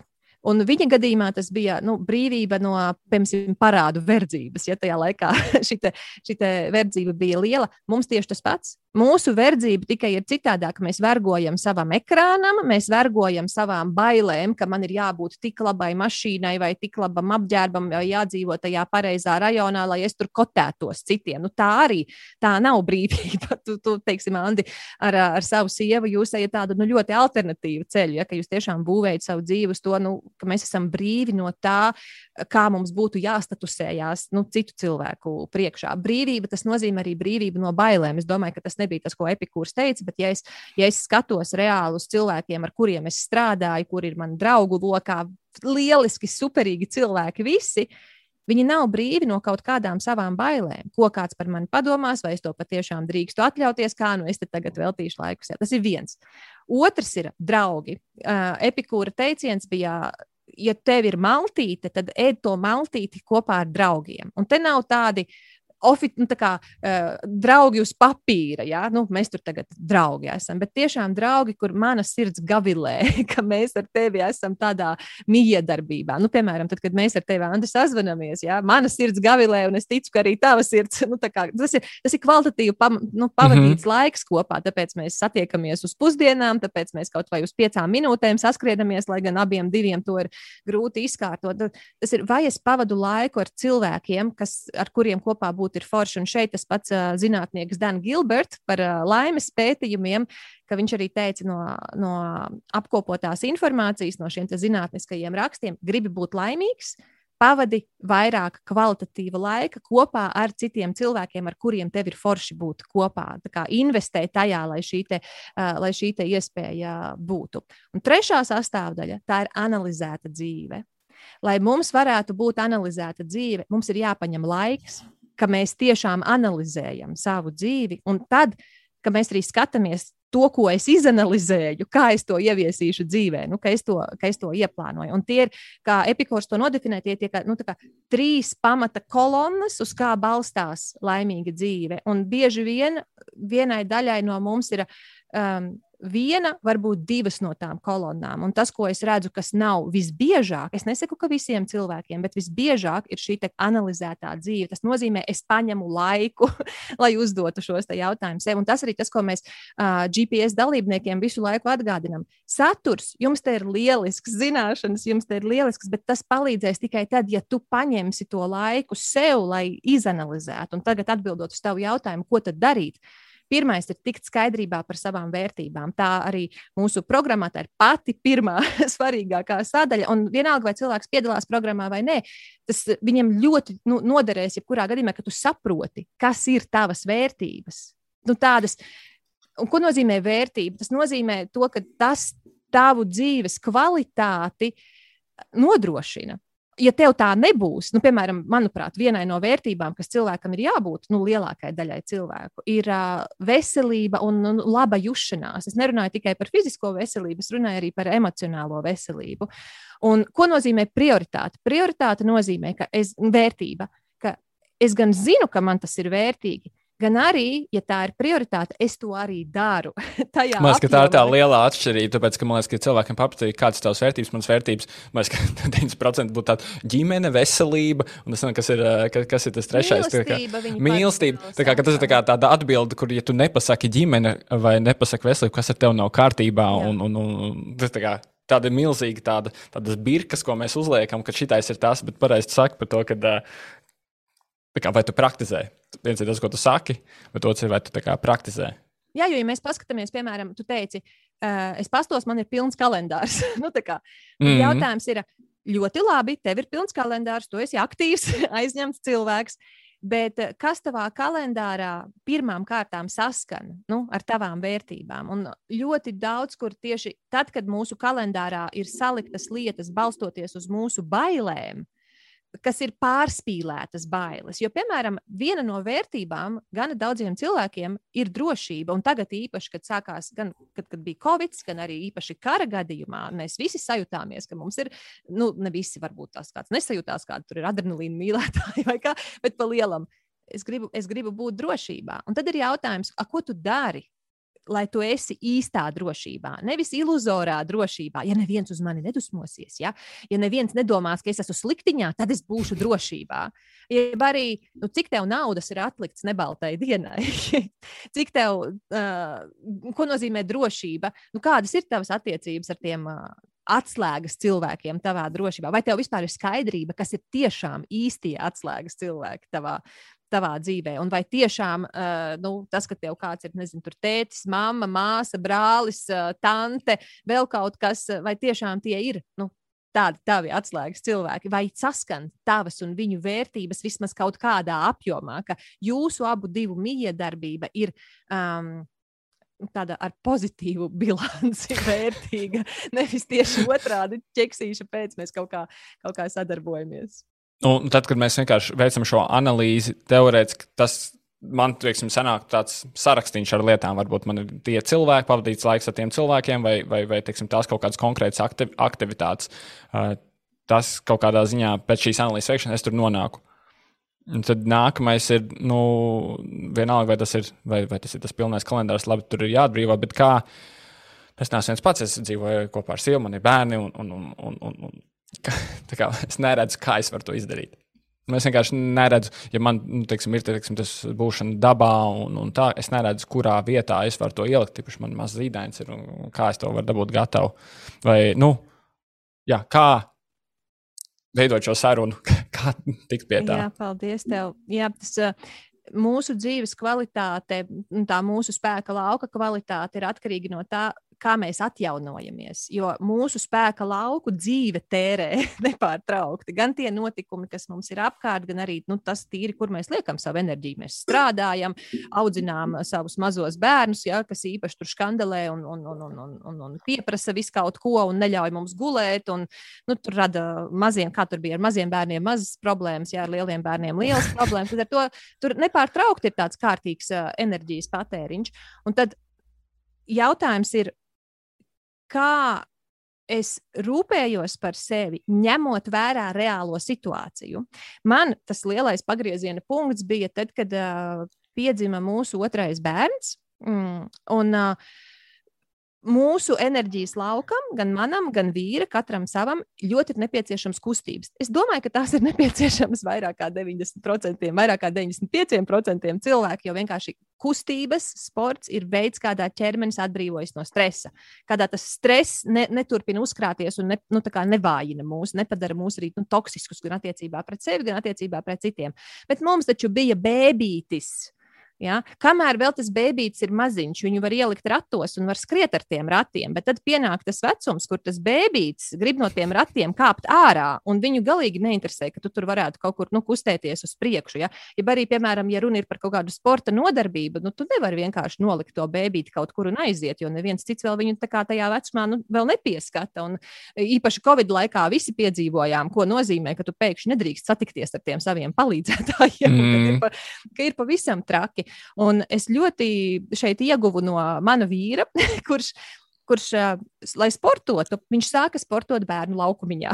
viņš sāka, viņš nezinu, bērnu šūpojās, viņš tur gan viņu šūpina, gan pietupjās. Ja? Bet mēs bijām pieraduši, ka sports kā minimums ir 45 minūtes. Nu, kā minimums, ka nav jēga pat sākt sportot, ja nav 45 minūtes. A, tur varbūt tās, nezinu, pasporto 5 minūtes, pasporto nu, 10 minūtes. Ja tad ir kaut kāds brīdis, kur tas mazais ir ar mieru, tur 15 minūtes pasēdēt ratos, ja tad tu tagad nu, tempā vari uzskriet 15 minūtes, bet ir tā sajūta, nav jau jēga pat sākt. Un tā ir viena no lietām, ko man liela daļa mazo bērnu vecāku saka, ka, ah, nu man jau nav jēgas, nu, ja tur tad man nemaz tas neinteresē. Ok, tev var interesēt, un tev var neinteresēt. Es tāpat tās varētu arī pateikt, nē, nu man jau neinteresē tur, es nezinu, viens ābols vai, nezinu, divi cepumi, ja es nevaru kārtīgi vajag silto maltīti paēst, bet, eh, ja tu saproti to saistību, ja tu nepaēdīsi laicīgi, kāda ir tā tava enerģija, ka tev tā spēka gluži vienkārši nebūs, un tu pats sevī vilsies, nu, tu ēdīsi arī to vienu ābolu un divus cepumus tajā brīdī. Tad, kad mm. varēs paēst meltīti, ēdīs meltīti.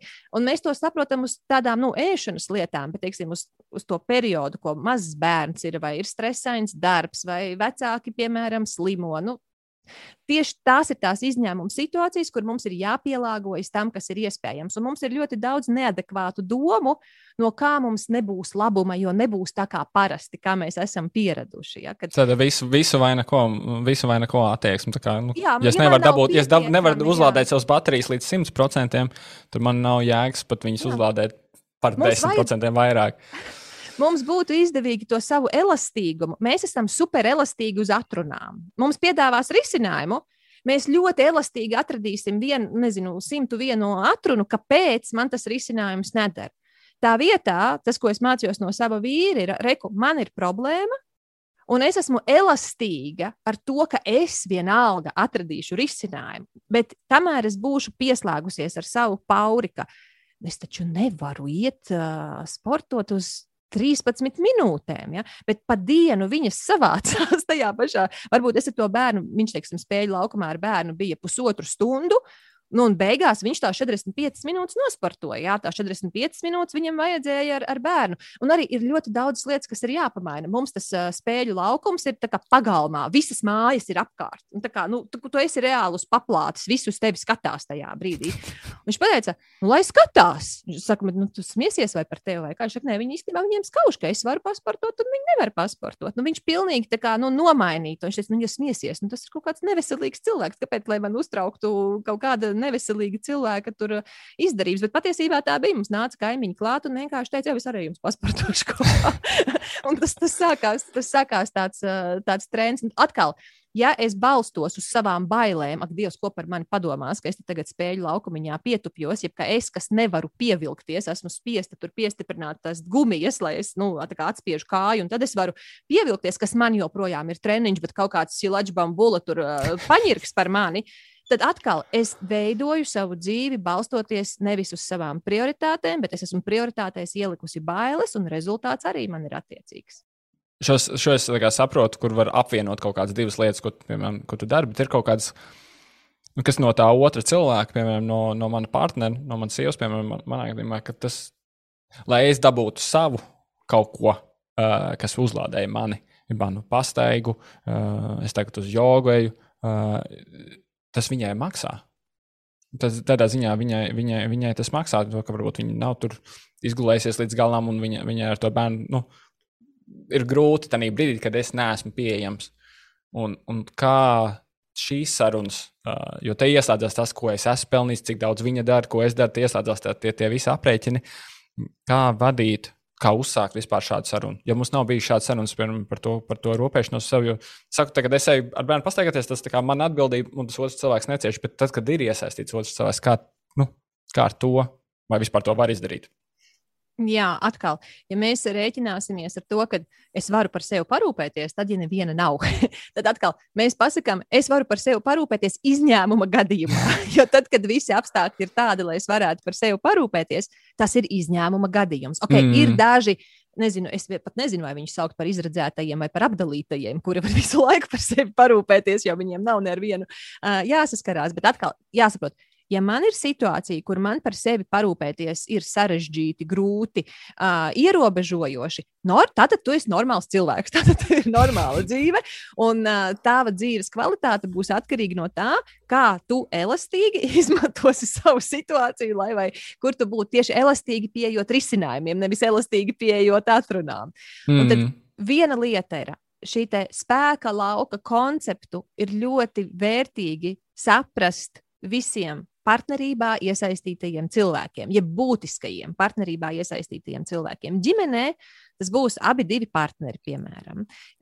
Darba vietā tas būs, nu, nezinu, piemēram, nezinu, firmas īpašnieks, kurā es strādāju. Nu, ja viņš nesaprot spēka lauka būtību, uh, Uh, viņam būs grūtāk saprast, ka nu, es esmu produktīva, ja man ir tas spēka lauks, nu, ja, bet tajā pašā laikā viņi saka, ka viņi nesaprot. Nē, saprot gan, ar viņiem ir tikai jārunā citādākā valodā. Nu, viņi, piemēram, saprot, ka, ja viņiem tur, nu, pieņemsim, es nezinu, kas būtu zāles pļāvējs, ja zāles pļāvējiem ir vajadzīga enerģija, vai nu tas būtu degvielas veidā, vai tas būtu elektrības veidā. Un tieši tāpatās arī man kā darbiniekam, kā viņa darba resursam, arī ir vajadzīga enerģija. Man arī ir nepieciešams atjaunot. Un varbūt ar tiem cilvēkiem ir jārunā ar tādiem terminiem. Tagad daudz, daudziem, daudziem daudziem rītā būs interesants sarunas darba vietā ar priekšniekiem par dažādiem zāles pļāvējiem, un, tomātiem un, deg, un degvielu. okay. nu, lūk, un tad, ja es saprotu spēka lauku, ko nozīmē spēka lauks? Man ir mans partneris, Mans partneris grib būt laimīgs, tavs sieva grib būt laimīga, mans vīrs arī grib būt, grib būt laimīgs. Viņiem ir izredzes būt laimīgākiem, tad, ja es varu piedalīties viņu laimes rašanā, eh, viņu laimes kaut kādā vai uzturēšanā, vai līdzās būšanā, ilgspējīgi. Bet, ja man visu laiku saka, nē, tu nekur neiesi, tev tagad ir jāpalīdz, tev ir jāpieskata mūsu bērns, nu es tur esmu, nezinu, es esmu pārguris vai es esmu pārgurusi. Ok, mēs to varam izdarīt. Tā kā vienreiz es varu atcelt savus plānus, otrais, bet ja tas aiziet ilgtermiņā, tad pēc tam tev, mans partneri, būs darīšana ar izdegušu cilvēku, vai ar slimu cilvēku, vai ar neapmierinātu ar dzīvi cilvēku, kurš burkšķēs uz tevi un tā. Tāpēc, tad, kad mēs aprunājamies, ka mans spēka lauks jau nav tikai manas intereses, man tas, cik mūsu partnerībā ir labs spēka lauks katram atslēgas cilvēkam, norāda uz to, cik, cik spēcīgs ir šis te, cik spēcīga ir mūsu partnerība. Es atceros, es neatceros, no kuras grāmatas tas bija, bet bija tāds viens labs piemērs par to, ka skauti iet pārgājienā. Nu, bērnu skautus viņus tagad ved pārgājienā. Un tad ir tas, es neatceros, kā to puiku sauc, nu labi, es viņu nosaukšu Kirbijs, ja? tas lustīgs vārds, Kirbijs. Un tagad tā, tā, tā, visa, te, tā, tā visa vārza, viņa tā virzās uz priekšu, bet nu, Kirbijs ir vārks salīdzinoši. Nu, viņš nav formā, viņš tur iet stenēdams, tusnēdams, viņam tur somai plecu grauž, tad viņam ir vajadzīgas tik un tik pauzes. Nu, nevar neviens aiziet prom bez kirbija, vai ne? Nevar viņu tur vienu pašu mežā atstāt. Uh, nu, būs, būs liels nepatikšanas. Un rezultātā visa tā visa tā jauda tai kopīgajai mm, skautu vienībai ir atkarīga no tā, cik jaudas ir kirbijam. ja mēs gribam forši kustēties uz priekšu, mums ir jārūpējas par savu kirbiju. Tieši tāpatās arī mūsu, mūsu, mūsu ģimenē vai mūsu kolektīvā, ja tas ir atslēgas cilvēks, vai ja tas ir atslēgas cilvēks kaut kādā sakarā, nu, piemēram, tu esi, teiksim, naudas pelnītājs, vai ne? Uh, sieva, sieva, piemēram, ir bērnu audzinātāja, nu, tie, vai nu, tie, tā, kas vairāk rūpējas par bērniem, īpaši, kad viņi ir maziņi, tie ir atslēgas cilvēki. Un tad tas, cik labi šis cilvēks spēj pelnīt naudu vai rūpēties par bērniem, ir atkarīgs no tā, kāds ir viņa spēka lauks. Tas, kāda būs partnera seksa kvalitāte, ir atkarīgs arī no tā, kāds ir spēka lauks tam, tam partnerim. Un šeit nav tā, ka mēs tagad visu liksim tikai manā spēka laukā. Nē, mēs esam partnerībā, vienalga vai tas ir mājās, vai tas ir uh, darba vietā. Mēs rūpēsimies par to, ka mums katram ir foršs spēka lauks, un tāpēc mēs sarunāsim, tāpēc mēs ri, nu, tā kā risināsim, kā mēs pie tā nonākam. Un es zinu, uh, es pieņemu, ka tu uz to virzienu ej, ka mēs bieži vien prasām, man tagad vajag iet staigāt, ja? ja man tagad vajag iet meditēt, vai man tagad vajag iet ar saviem čomiem uz krogu. Nu, tur... Man arī vajag. Uzreiz. Jā, man, man arī vajag. Jā. Mēs abi esam tā kā es esmu noguris, man vajag, man vajag tur iet kaut kur. Es, saku, es arī esmu noguris. Tieši tā. Un tad ir tā, ok. Es akceptēju otru cilvēkam, ka viņam arī ir vajadzības, un mēs sākam runāt. Kas ir vajadzīgs tev, lai tu man vari iedot to, kas ir vajadzīgs man? Nu, ja, piemēram, es tev, uh, nu, ja, piemēram, es savam partnerim saku, klausies, man baigi vajag laiku vienatnē. Manam vīram tā ir reāli bijis. Es viņam saku, es gribu savu dzimšanas dienu nosvinēt vienatnē. Man beidzot vajag piecas dienas vienai pašai kalnos. Mūsu mazajam bērnam tajā brīdī bija kaut kāda, laikam, divi ar pusgadi. Ja es nevaru tagad bišķiņu sajaukt, vai ne? Un es viņam šādi paziņoju, un manam vīram ir pilna, pilna laika darbs, jā, otram bērnam tajā brīdī ir kaut kādi septiņi gadi apmēram. Uh, Un viņam, manam vīram, ir ļoti liels slodzes darbā. Bet es teiktu, ka ne, es nevaru atļauties. Un es pat nepaprasu. Tur arī ir viena no problēmām, ka mēs pat neprasām, kas mums ir vajadzīgs, lai mums tas spēka lauks būtu foršā kondīcijā. Bet nu, es zinu, cik tas maksās. Ja es nepaprasīšu, tad mums ies drāmas, un skandāli un slimošanas, nu, kad es nevaru nepaprasīt. Es viņam prasu, man ir vajadzīgs tās piecas dienas kalnos. Um, kas tev ir vajadzīgs, lai tu man varētu iedot. Jo, ja es viņam vienkārši teikšu, man vajag piecas dienas kalnos, tad es zinu, man arī vēl viss kaut ko vajag. Ja? Nu, tā kā nespīd tev. Bet es, saku, un, bet es gribu, lai manas piecas dienas kalnos tev ir reālas. Kas tev ir vajadzīgs, lai tev viņas ir reālas? Uz ko viņš atbildēja? Dabū man vēl vienu bērnu pieskatītāju. Nu, tādā ziņā, ja tu atstāsi tikai mani ar bērniem, tas neies cauri. Man vajag, ka vismaz četras stundas dienā kāds vēl pieskata bērnus. Un vēl man vajag, ka man nav jārūpējās par ēdienu tajā laikā. Ja? Un tad, tad tas, ko es darīju, es noskaidroju viņa vajadzības. Ah, un, vēl šitēc, un vēl es nevarēšu tev palīdzēt, ka tu tajos kalnos iepīsies kaut kādās ziepēs. Es nevarēšu aiz, atbraukt un tevi tur izglābt. Man vajag, lai tu, tā, kad tu esi tajos kalnos, ka tad tu no manis neko vairs neprasīsi savos kalnos. Nu, un rezultātā, jā, es meklēju, kur ir cilvēks, kurš pieskatīs bērnus. Es uh, kopā ar vīru pajautāju, kas ir tās lietas, ko viņš pats gribētu ēst, kas ir tās lietas, es zinu, ko ēd bērni. Un es vienkārši saorganizēju, ka es sataisu pilnu leduskapi, ir kaut kādas lietas saliktas saldētavā, arī ņemot vērā to, kā viņi ēd, kas viņiem garšo.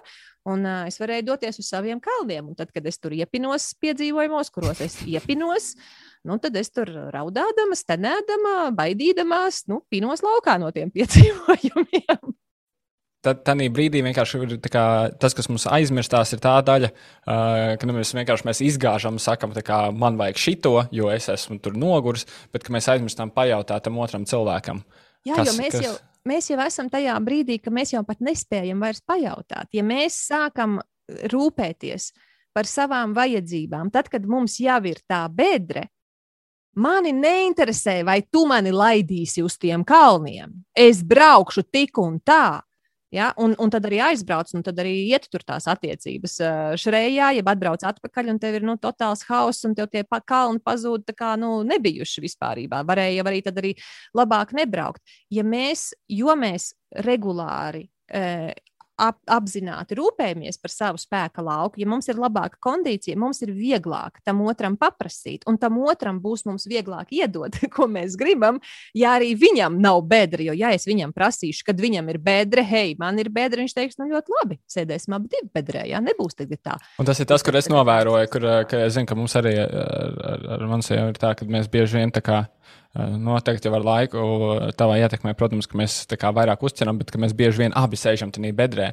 Un abiem ir tā sajūta, ka, nu, ka tu redzi, ka tas otrs ir vēl tajā bedrē. Nu, tad, nu, ja netiek, ne, nu, kā, ne, tev netiks, man netiks, tad mēs abi vismaz būsim vienā līmenī.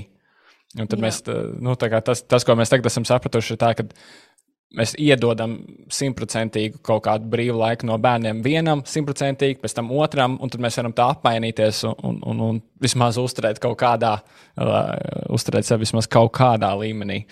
Bet tā saruna ir reālāka, tie risinājumi ir reālāki, ja mēs zinām savas prioritātes, ja mēs zinām savas vērtības, un ja es zinu sava partnera vērtības un savu partnera prioritātes, vai tas būtu privātajā dzīvē, vai tas būtu darba dzīvē.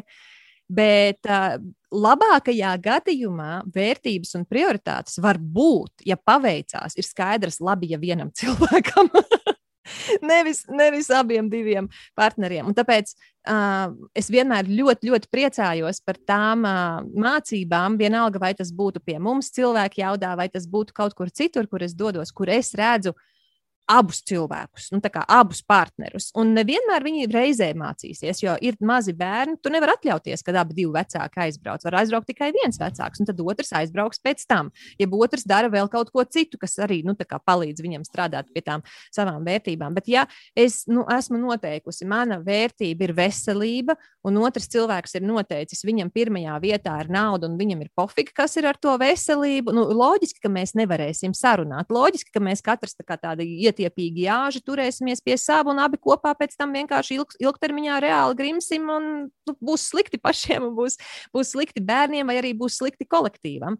Tāpēc arī ir, nu, kur uzņēmumi saka, mums tur ir jānosaka savas vērtības, mums ir jānosaka sava misija. Jā, ja tas ir pa īstam, ja tas ir tāds, kur tiešām cilvēki nu, parakstās un arī redz, ka tās vērtības nav tikai piespraustas pie sienas, jeb iebāztas mājaslapā, bet tās ir vērtības, ko uzņēmums tiešām nu, izdzīvo. Ja tās ir, ja tu man saki, tev ir vērtība veselība, bet es redzu, ka tu tur visu laiku McDonald's kaut ko tikai, un es nerunāju par tevi, Anna, es runāju tā, it kā tas būtu pārējais. Ja, ja es redzu, ka kaut ko otrs tikai McDonald's ēd un, un nezinu, un tur smēķē un, un dzer pārmērīgi un, un, un sēž tikai savā ekrānā un uz dīvāna, un viņš man saka, ka viņam ir veselība, un tur arī jāsako ar darbiem. Nu, Ta, tas ir reāli. Tāpēc, un arī vērtības ik pa laikam mainās. Varbūt nemainās pati tā vērtības būtība, tūlīt es pateikšu piemēru, bet mainās viņas izpausmes veids. Nu, piemēram, viena no manām vērtībām ir iedvesma.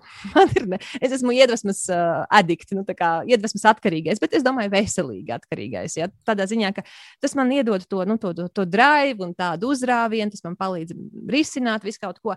Un katru gadu es vienmēr pārskatu savas, es divreiz gadā pārskatu savas vērtības, es pārskatu viņus uz dzimšanas dienu, tā kā man ir vasaras vidū, tieši tas sanāk pusgadā. Un es pārskatu pārskatu viņas uh, uh, uz apmēram uz jauno gadu, uz vecā, vecā gada noslēgumā. Un uh, vienā brīdī man jauna vērtība parādās nevis jauna, bet citādāk. Man vairs nav iedvesma, bet man ir piedzīvojums. Un man liekas, kā tas tā var būt, ka tagad piedzīvojums man ir vērtība. Nu, tad, tad es tagad esmu kaut kāda adrenalīna ķērājs, vai es no kaut kā cenšos aizmukt. Uh, man liekas, ne, nu, iedvesma arī ir, bet nu, tas maksimums, ko es atļauju, ir nu, piecas vērtības. Jo, ja ir vēl vairāk, un daudz kas ir vērtīgs, bet tās ir būtiskās piecas vērtības, tad es negribu, kad izskatās. Man liekas, ka man pat ir četras parasti. Jā, četras es cenšos turēties vairāk pie četrām, nu, piecas ir, kad es atļauju, kad, ka tā varētu būt. Un es nevaru iebāzt abas divas iedvesmu un piedzīvojumu. Un es saprotu, ka man piedzīvojums šobrīd spiež ārā iedvesmu.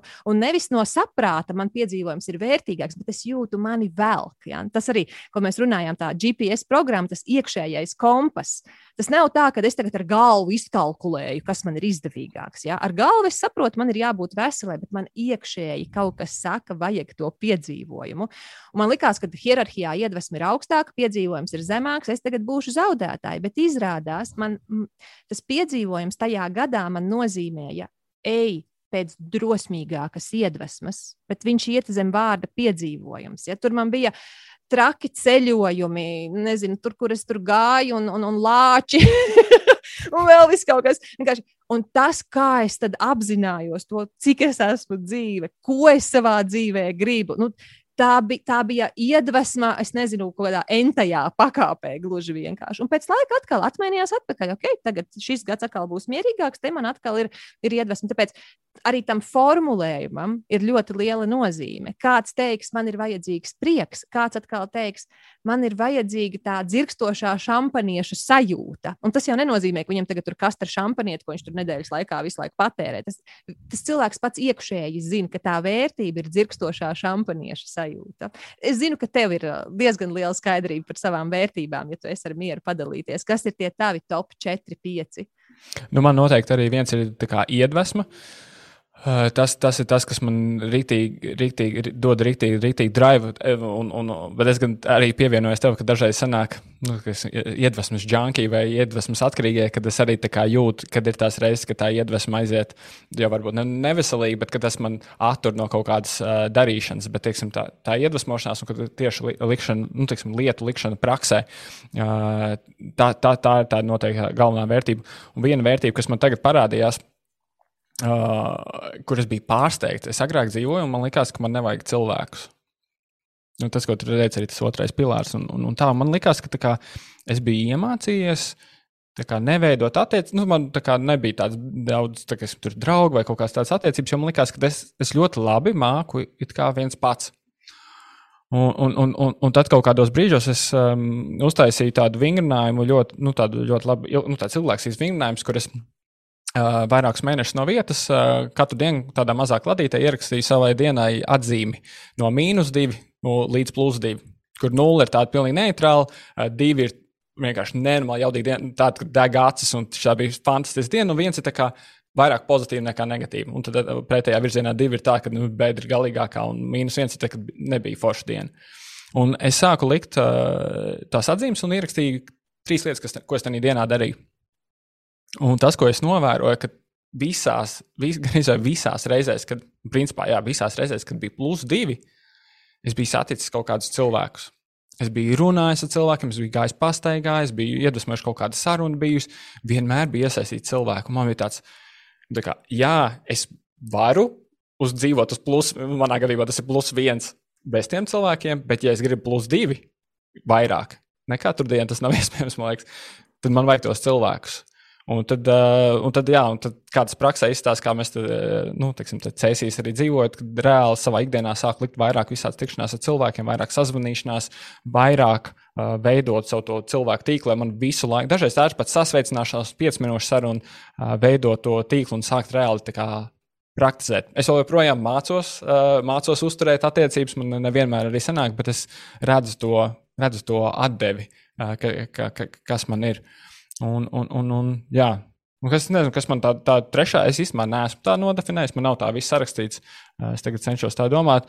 Nu, noteikti tā ir kaut kāda veselība, un tieši tādā, tādā ziņā veselība nevis, ka es tur varu noskriet maratonu vai tā, bet man ir svarīgi, tīpaši šī periodā, un es zinu, es priekšu, kad es varu man patīk vaļāties pa zemi ar saviem bērniem. Man patīk cīkstēties, man patīk būt kustībā, un es negribu tur, man nav vajadzīgs, ka es varu tur pacelt, tur nezinu, cik simts kg vai pievilkties simts reizes, bet man ir svarīgi, ka es varu uh, būt ar maniem bērniem, viņu tādā bērnu tādā līmenī, uh, cīkstēties un spēlēties ar, ar, viņiem. Un tas ir kaut kas, ko es gribu saglabāt ne tikai tad, kad man ir bērni, bet tad, kad viņiem būs bērni, ar saviem mazbērniem, kad es varu Uh, cik, tas ir tas mans kriterijs, kā tas, kā tas man izskatās. Un, un, un, un ir tās lietas, kuras vienalga tādi uh, šobrīd, uh, sakot, ar bērnu piedzimšanas, man sanāk, paldies arī manai sievai, eju divreiz nedēļā uz, uz, uz, uz, uz, uz jogas nodarbībām.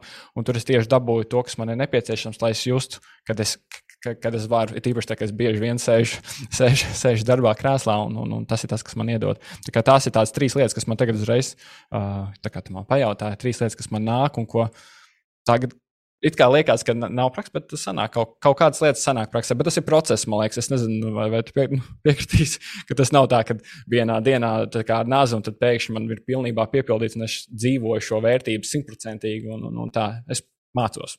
Jā, es to es redzu arī no GPS dalībniekiem, ka cilvēki, nu, tā, tā ir pati pirmā tēma, kas ir nu, ļoti svarīgi saprast, lai cilvēks vispār var to savu dzīvi sakārtot tādu, ka viņa dzīves stils atbilst viņa vēlmēm. viņa, ka viņa dzīves stils ir tajā dzīves kvalitātē, kas viņu interesē. Un uh, tad bieži vien ir jautājums, bet es tagad nevaru saprast, vai man tā vērtība ir piepildījums, vai man tā vērtība ir uh, izaugsme vai vēl kaut kas. Un, saka, tas nav, tu esi dinamiska būtne. Nu, tās mm. lietas var pamainīties. Tas ir arī svarīgi, nu, kādas ir aktualitātes tavā dzīvē. Un tu atļaujies vienkārši paeksperimentēt, un tad tu, tad tu gluži vienkārši labāk redzēsi. Es gribēju pievērst uzmanību tam, ka tu teici, tev ir sajūta, ka tu esi nu, cilvēks, kas bez citiem var izteikt. Man tas ir ļoti labi saprotams. Man ir precīzi tāpatās. Es savu 40. dzimšanas dienu viena pati svinēju kalnos. Ja? Tas kaut ko pasaka, es pieņemu. Un, un tad ir tāda lieta, ko mēs domājam, un ir tāda lieta, nu, kas tad ir reāli. Un, ok, ja es tagad gribu būt vienu uz saviem 40 gadiem, piecas dienas kalnos, iespējams, ka tas pasaka ne tik daudz to, ka es esmu viena pati un man neko nevajag, bet vienkārši es pietiekami ilgi nebiju bijusi viena pati un pārāk biju izšķīdusi rūpēs par sevi. Un, ja man ir kāds tuvumā, es atkal tajā savā dzimšanas dienā rūpēšos par citiem, nevis es paņemšu šo laiku sevis tādai savas dzīves analizēšanai par to, ko es gribu un kā es varu dabūt gatavu to, ko es gribu, tieši tāpat tās, ko es negribu un kā es varu tikt vaļā no tā, ko es negribu, kas, nu, kas ir tā analīze būtībā. Un tad ir tāda lieta kā dati. Un da, atkal mums ir jārēķinās, ka mēs dzīvojam cilvēka ķermenī, un mēs cilvēks esam bara dzīvnieks. Attiecīgi, mums ģenētiski, mums bioloģiski ir iekodēts tā, ka mēs vienkārši zeļam un plaukstam to savu cilvēku nu, tuvumā. Un tad, kad mēs bieži vien sakām, nē, mani nogurdina citi cilvēki, ja man ar viņiem nav labi, runa ir par to, kuri cilvēki tevi nogurdina. Ja mēs atkal sāksim analizēt, mēs bieži vien atradīsim, ka tie ir konkrēti cilvēki vai konkrēta tipa cilvēki, vai viņu kaut kāda nu, diezgan tipiska uzvedība, kas, kas nogurdina. Varbūt ar to pašu cilvēku pat tīri labi sapas, bet viņam ir kaut kādi nu, jocīgi izgājieni, ka, piemēram, nezinu, viņš tur visu laiku grib runāt par karu tikai, un tu negribi tajā brīdī runāt par karu. Ja arī tas cilvēks nu, dara kaut ko tādu, nu, kur tev vienkārši tas nolaiž gaisu tavām riepām, ja, un tu tur sašļuts pēc tam. Mēs tā kā atkal, ja mēs paņemam analīzi un mēs ieraugam, es īstenībā tiešām varu uzlādēties, bet, lai es varētu uzlādēties, eh, man ir jābūt dažām sarunām, tādām sarunām, kas ir par robežu novilkšanu. Piemēram, viena lieta par vecākiem runājot. Kāpēc ir tik grūti? Tāpēc, ka ir drausmīgs troksnis ar maziem bērniem. Un ne tik maziem, ir ļoti liels troksnis parasti. Un tas nozīmē, ka mums ir veseli bērni. Ja nav troksnis, kaut kas nav rīktīgi. Jā, runa var mainīties, varbūt tās tur kaut kādi decibeli. Bet tad maziņam bērniņam tu neko tur nevarēsi izdarīt. Bet bērniņam pamazām augot, nu, mēs varam arī tur sākt vilkt robežas, kas ir vecumam piemērotas. Un ir kaut kāds klusais brīdis. Jo tie, tie, tie vecāki, mazo bērnu vecāki, bieži vien ir tā pārguruši ne tikai aiz tā, cik maz viņi guļ un cik daudz viņiem ir jādara, bet cik viņu nomoda laikā trobelis ir liels apkārt. Ja? Un mūsu smadzenēm trobelis ir ļoti, ļoti liela slodze, jo tu visu laiku, tev ausis visu laiku ir noskaņotas, lai sadzirdētu. Vai tur nebrēc pa traku, nu, ka tur ir jāiet kādam dzīvība, veselība glābt, vai arī klusums. Ir jau pārāk ilgi, nu, tā kā klusums, ja kad ir nu, pārējie trobelē, bet viens ir klusumā. Ja, tad, tad kaut, kāds, kaut kādas ziepes būs šeit. Un tā, tā ir tāda robežu vilkšana gan ar sevi, gan ar bērniem, gan ar savu partneri par kaut kādu kluso laiku. Varbūt tās ir sākumā, es nezinu, 5, 10 minūtes, kas pamazām pārvēršas par vienu stundu, vai kas pārvēršas, ka pēc pusdienas astoņiem vakarā vai pēc pusdienas deviņiem vakarā mēs te vairs netrobelējam un nejārējamies. Ja arī, ka mēs braucam mašīnā, tad, lai braukšana ir droša, droša, tad ir kaut kāds laiks, kur nu, kā ir jāsēž nu, kā mierīgāk visiem. Ja? Tur nevar tagad spērt un, un spļaudīties un aurot kā nelabie un plēst viens otru, viens otru aiz matiem. Mūsu spēja būt labā spēka laukā ir tiešā veidā atkarīga no tā, ja mēs saprotam savas vērtības un attiecīgi balstoties uz vērtībām izvirzam prioritātes, nevis tikai zinātniski, ka mēs zinām, nevis tikai teorētiski, bet arī praktiski, ka mēs viņus piedzīvojam.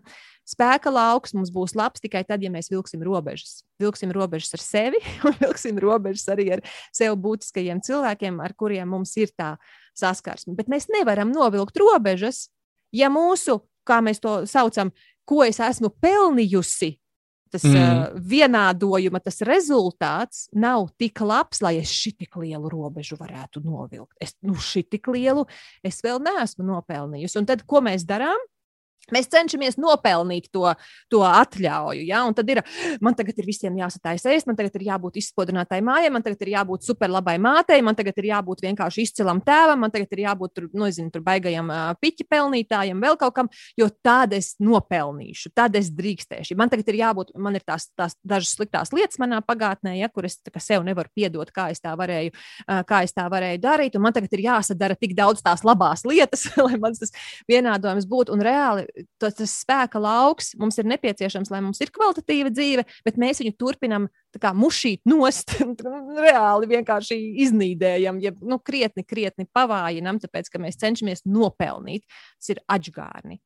Jā, man nav, vienkārši man vienkār, viena no ļoti, ļoti laba draudzene, uh, kur es redzu, ka Tas vienkārši tu tikko teici, un es pilnīgi redzu viņu, ka viņa dara visiem, visiem dara tās labās lietas, cenšas um, jā, būt laba visiem. Un es redzu, ka, ka viņai kaut kādā brīdī, kad viņai nesanāk, ka viņai nepietiek tie resursi, lai viņi varētu par sevi parūpēties, un tad viņai ir liela, liela tie kritumi. Tad viņa atkal pieceļās, dabūs vārā, atkal nu, pa visiem parūpējās. Un, un, un, un, protams, no malas tā grūti, un, un saku, mums katram, katram savs process, ka dažreiz gribās, mēs arī tā darām, mēs samīļojam un saka, tā kā, tā kā viss kārtībā. Tu, nu, tu, tu, tu, vari, tu vari nedarīt. Tu vari nedarīt to, un mēs tev tik un tā mīlam. Un, un, un, un, jā, ka tas, ka tas, ir, nu, kā, tas ir tik dziļi. Mēs arī viņu esam runājuši. Tas ir tik dziļi iegravējies, ka mums ir jābūt tiem labajiem, jo, ja mēs būsim labi, tad mums arī pēc tam tur parūpēsies citi. Un, un, un, nu, grūti. Nu, kā, pat apzinoties, pat zinot tās lietas, tas ir tiešām ļoti, ļoti, ļoti grūti. Jā, un tad vēl ir tāda lieta, ka Uh, labi, objektīvi. Nu, varbūt, uh, nezinu, cilvēks, nu, piemēram, nobrauca kādu, ja tā ir tā sliktā lieta viņa pagātnē, ko viņš nevar sev piedot. Vai, piemēram, uh, cilvēks, kad bērni bija mazi, šausmīgi aizstrādājās, ne, ne, nenormāli da, liels darba holiķis bija, un tagad saprata, ka Dievs, es taču nolaupīju saviem bērniem bērnību, vai nu, vēl kaut kas tāds, atkal tāpēc es nevaru tagad nu, prasīt kaut ko sev vai prasīt kaut ko par maniem mazbērniem. Tā, tā ir viena lieta. Otra lieta ir, kur mums ir tā kaut kāda neriktīgā uztvere par sevi. Mēs varbūt neko pat sliktu pa lielam neesam izdarījuši, bet ir tā sajūta, ka es neesmu pietiekami labs. Un tur, protams, tur ir ļoti daudz šīs bērnības un jaunības traumas, gan no mūsu vecākiem, ja, gan varbūt tās nezinu, no skolas, skolas biedriem. Dažkārt pat nezinām, no kurienes tas, tas, tas nāk līdzi. Tāpēc ļoti vērtīgi ir darbs ar terapeitu. Pat ja cilvēkam liekas, ne, nu man jau nekā tāda nav. Zini, kā mīļo cilvēku? Ja tev šobrīd dzīve sava Nav tā, ka tu teiktu, ritīgi forši, es esmu gandarīts par to, kā es dzīvoju. Un, ja tu saki, ka nē, nu es zinu, kas ir jādara, bet es nevaru, es, es to nevaru atļauties, vai man tas te nav iespējams, nu, tā arī ir laba vieta, kur aiziet parunāties. Vai nu ar terapeitu, vai nu ar koču, vai nu ar supervizoru, vai nu ar. Eh, varbūt tās tavā lokā ir kaut kādi labi cilvēki. Re, un, ja, jo tā problēma ir dziļāka, nu, pieņemsim, cilvēkiem, kam ir depresija, es lūgtinu lūgtos aiziet pie speciālista. Vai tas būtu ārsts, vai tas būtu terapeits. Šī ir ļoti nopietna situācija. Te ar parunāšanos ar draugiem diez vai, diez vai būs līdzēts. Tas ir tāpat kā cilvēks ar ceturtās pakāpes vēzi tagad izdomās, nē, nu es aiziešu tur pie uh, imunologa vai nezinu, vitamīniņus tur padzeršu, ja, un pasportošu. Tev ir ceturtās pakāpes vēzis, tev droši vien ir jāiet, nezinu, ko tur ķīmijterapija vai vēl kaut kas jādara. Tur ir vajadzīga nu, nopietna iejaukšanās, un tieši tāpat depresija, tas ir nopietnas līmenis. Un ar to es nedomāju, ka tu tagad mirsi no depresijas. Vienkārši uh, vitamīniņu un, un svaiga gaisa līmenis, lai mm. cik viņi būtu veselīgi arī tavā situācijā, viņi ir nepietiekami. Tur ir vajadzīgs kaut kas vairāk. Un savukārt cilvēkam, kuram nu, nav tāda, nu, nezinu, nopietna vai depresija vai vēl kaut kas. Nu, tur ir tie, kas saka, kam palīdz grāmatas, kam palīdz podkāsts, ir tie, kas saka, kam palīdz eh, doties uz kaut kādām mācībām. Arī, piemēram, mūsu tā pati GPS programma arī ir radīta cilvēkiem. Nu, viņi nedara cilvēkiem, kas ir depresijā, viņi ir nepietiekami. Viņiem ir vajadzīgs nopietns eh, atbalsts no, no, no ārstiem un no speciālistiem, kas nu, šeit ir. Tas man liekas, baigi labi, ka tur arī šito pieminēja, jo tas, ko es arī redzu, nu, arī mēdījos, tagad arī diezgan daudz vairāk vairāk tiek skatītas dažādas tās uh, programmas, kur, nu, teiksim, kur tie solījumi par to, kā tā dzīve, tava iz, kā viņa mainīsies, ka viņa varbūt nav īsti adekvāta. Un tas, ko tu saki, ka bieži vien, jā, tā kā, ja tev ir tas pakāpes veids, ka tev vitamīni nepalīdzēs atkal no otras puses, ja tavā dzīvē viss ir kārtībā un tu gribi mazliet tur optimizēt vai kaut ko tādu, tad tieši tie vitamīni varētu būt tāds ļoti labs un vienkāršs veids. Bet, kā skatīties, ja tiešām ir nu, nopietnas problēmas, ka kā, nu, patiešām, kad ir tie speciālisti, pie kuriem, kur, pie kuriem jāiet, jo es arī zinu, ka bieži vien, ja mēs neejam pie tiem speciālistiem, ka nu, tas, mēs negribam teikt, kā sloks citiem cilvēkiem, bet ka mēs citus cilvēkus mēģinam terapijoties pie citiem cilvēkiem, mūsu apkārtējiem, vienalga, vai tie ir mūsu partneri, vai tie ir mūsu kaut kādi draugi. Nu, es neesmu redzējis, ka tas baigi palīdzētu un ka tas ilgtermiņā novest pie kaut kādām pozitīvām, ka Es saku, ja tev saplīs mašīna, tad dodies pie mehāniķa, nevis, eh, nevis ar draugiem kopā pasties, kā mēs varētu šo te uh, mašīnu sataisīt. Jā, ir īpaši motors vai, ne, vai kaut, kaut kas tam līdzīgs nopietns. Ja viņai tur, es nezinu, uh, lokus ir netīrs, ok, to var ar draugiem kopā Jā. nomazgāt. Tur varbūt nevajadzētu gluži pie mehāniķa. to var arī tāpat atrisināt. Man, man ļoti, uh, es pati reizi nedēļā konsultējos ar uh, Irinu Petersoni, kas ir darba, darba metodas facilitātors. Un, uh, nu, vienkārši tā ir metode, kas ir piemērota man. Un uh, mans vīrs, viņš vienkārši saka, kas tu man, man ir tik viegla dzīve.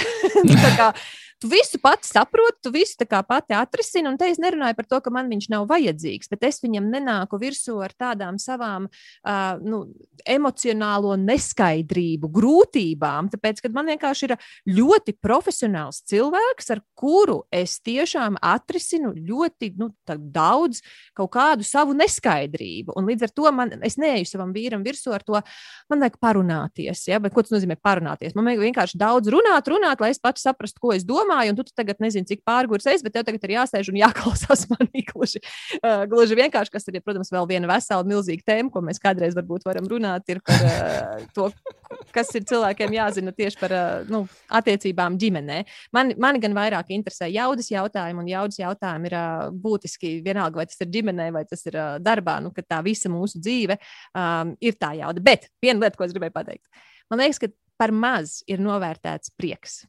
Nu, kā, mm. uh, es pilnībā piekrītu pirms kaut kāda laika, kad uh, es uh, mācījos uh, lidot uh, vēja tunelī, un es uh, Ingūmu. Uh, Starp citu, tas vēja tuneļa video arī ir tieši par GPS programmu. Es domāju, ka es viņu kaut kur arī ielikšu. Un, uh, es biju pārbijusies, un man bija grūti, un es biju sasitusies. Man tiešām gāja grūti ļoti. Un tad vienā brīdī es sapratu, nu, kā ķermenis sajūta, kā var noturēties gaisā. Un tad es Ingūmu rakstīju un teicu, oh, klausies, Es laikam lidoju, nu man beidzot sanāk, nevis es tikai tur krītu, nevis mani tur tikai glābi un mēģināju kājas noķert un atvilkt atpakaļ pareizajā augstumā, bet es laikam tiešām, tiešām lidoju. Es saku, nu, paldies Dievam, nu tad beidzot, nu tad paprasti trenerim nākošajā treniņā, just have fun, nu vienkārši izpriecājies.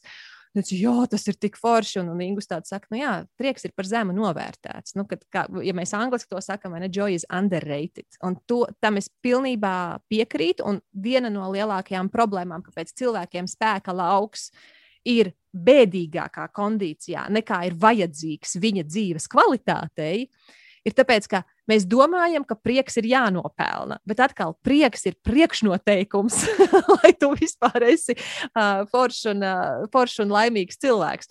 Un uh, ka, ka prieks ir arī kaut kas, nu, apmēram noziegums kaut kāds. Ja? Nu, kā tad es tagad priecāšos, ja, ja Ukrainā notiek karš? Nu, kā, kā es to varu atļauties? Ja kā es tagad priecāšos, ja manam partnerim šobrīd ir, uh, nu, tur, teiksim, stresains periods dzīvē? Ne, nu, labi, nevajag iet viņam tur sejā un, oh, man ir tik labi, un es tagad varu izgulēties vai kaut kādas tādas lietas stāstīt pastāstīt savai, savai draudzenei, kurai, es nezinu, tur ir trīs bērni, vīrs ir aizgājis un, un, un, un viņu draudu atlaist no darba. Nu, nevajag tādas lietas darīt, bet tas nenozīmē, ka tev, ka tev nevajag priecāties. Bet arī mums bieži vien nav tādas skaidrības par to, nu, kas tad mums, kas tad mums sagādā prieku. Mēs jaucam aizmukšanu, aizmukšanu kaut kādā baudā, aizmiršanos no tā, kas tiešām uzpilda baterijas. Kas tas ir tev? Kas, man, kas ir, man, tas, man, man, man tas vārds. Tas, kas tev bija jāskatās, ka tas tiešām, nu, kā jāatzīst, tas nav slikti, ko es gribu, bet es varu sev atļaut, ja tas man uzpilda.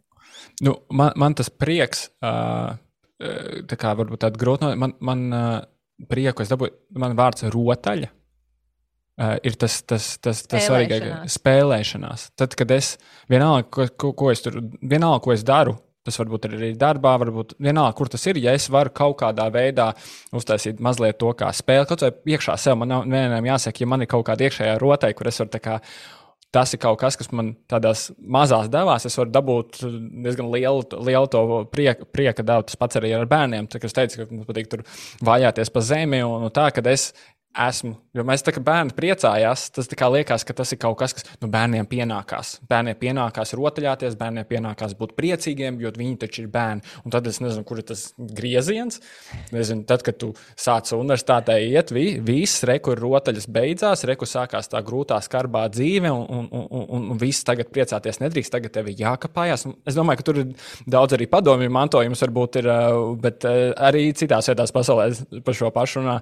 Un tad kā es arī vēl mācos un meklēju tos veidus, kā tādās ikdienišķās situācijās ieviest iekšā to, to, to rotaļas elementu, to kaut kādā ziņā vieglumu. Tīpaši tad, kad viss pasaulē tas, kas notiek, liekas smags un, uh, un man velk uz leju, kā es varu tanī atrast mini veidus, kā pacelt sevi un paspēlēties un pasmieties. Un, un, un tā, protams, ka tā, ir bērni, tas, tas, tas kā nezinu, tāda privilēģija, ka man ir tāds pieejams, jo viņi spēlējas, un kad man jau man ir tāds signāls no viņa puses, kā, ka man vienkārši jāiesaistās. Man vienkārši jā, bērnam man vienkārši jāsaka jā. Tad, kad viņš man kaut ko jautā, tēti, uz, izdarām to, uztaisam to un to.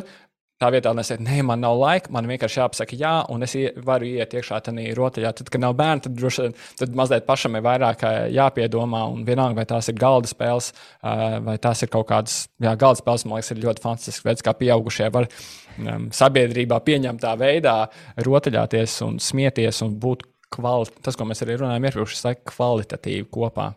Mm. Zini, es uh, atceros, ka tev ir uh, jādodas uz jogu, un man Jā. ir savukārt jārūpējās par to, ka man bērni tūlīt nāks mājās, vienkārši sāks visu zvanīt, un, un, un viņiem vajadzēs ēst un tā. Tāpēc, lai, lai arī mums ir, nu, man personīgi vēl būtu ļoti daudz ko pastāstīt par, eh, par cilvēku jaudu un, un tieši to jaudu, kā tas eh, spēka laukā balstās, piemēram, par atzinībām, par veidiem, par atvainošanos. Tur ļoti, ļoti daudz dažādu tēmu ir.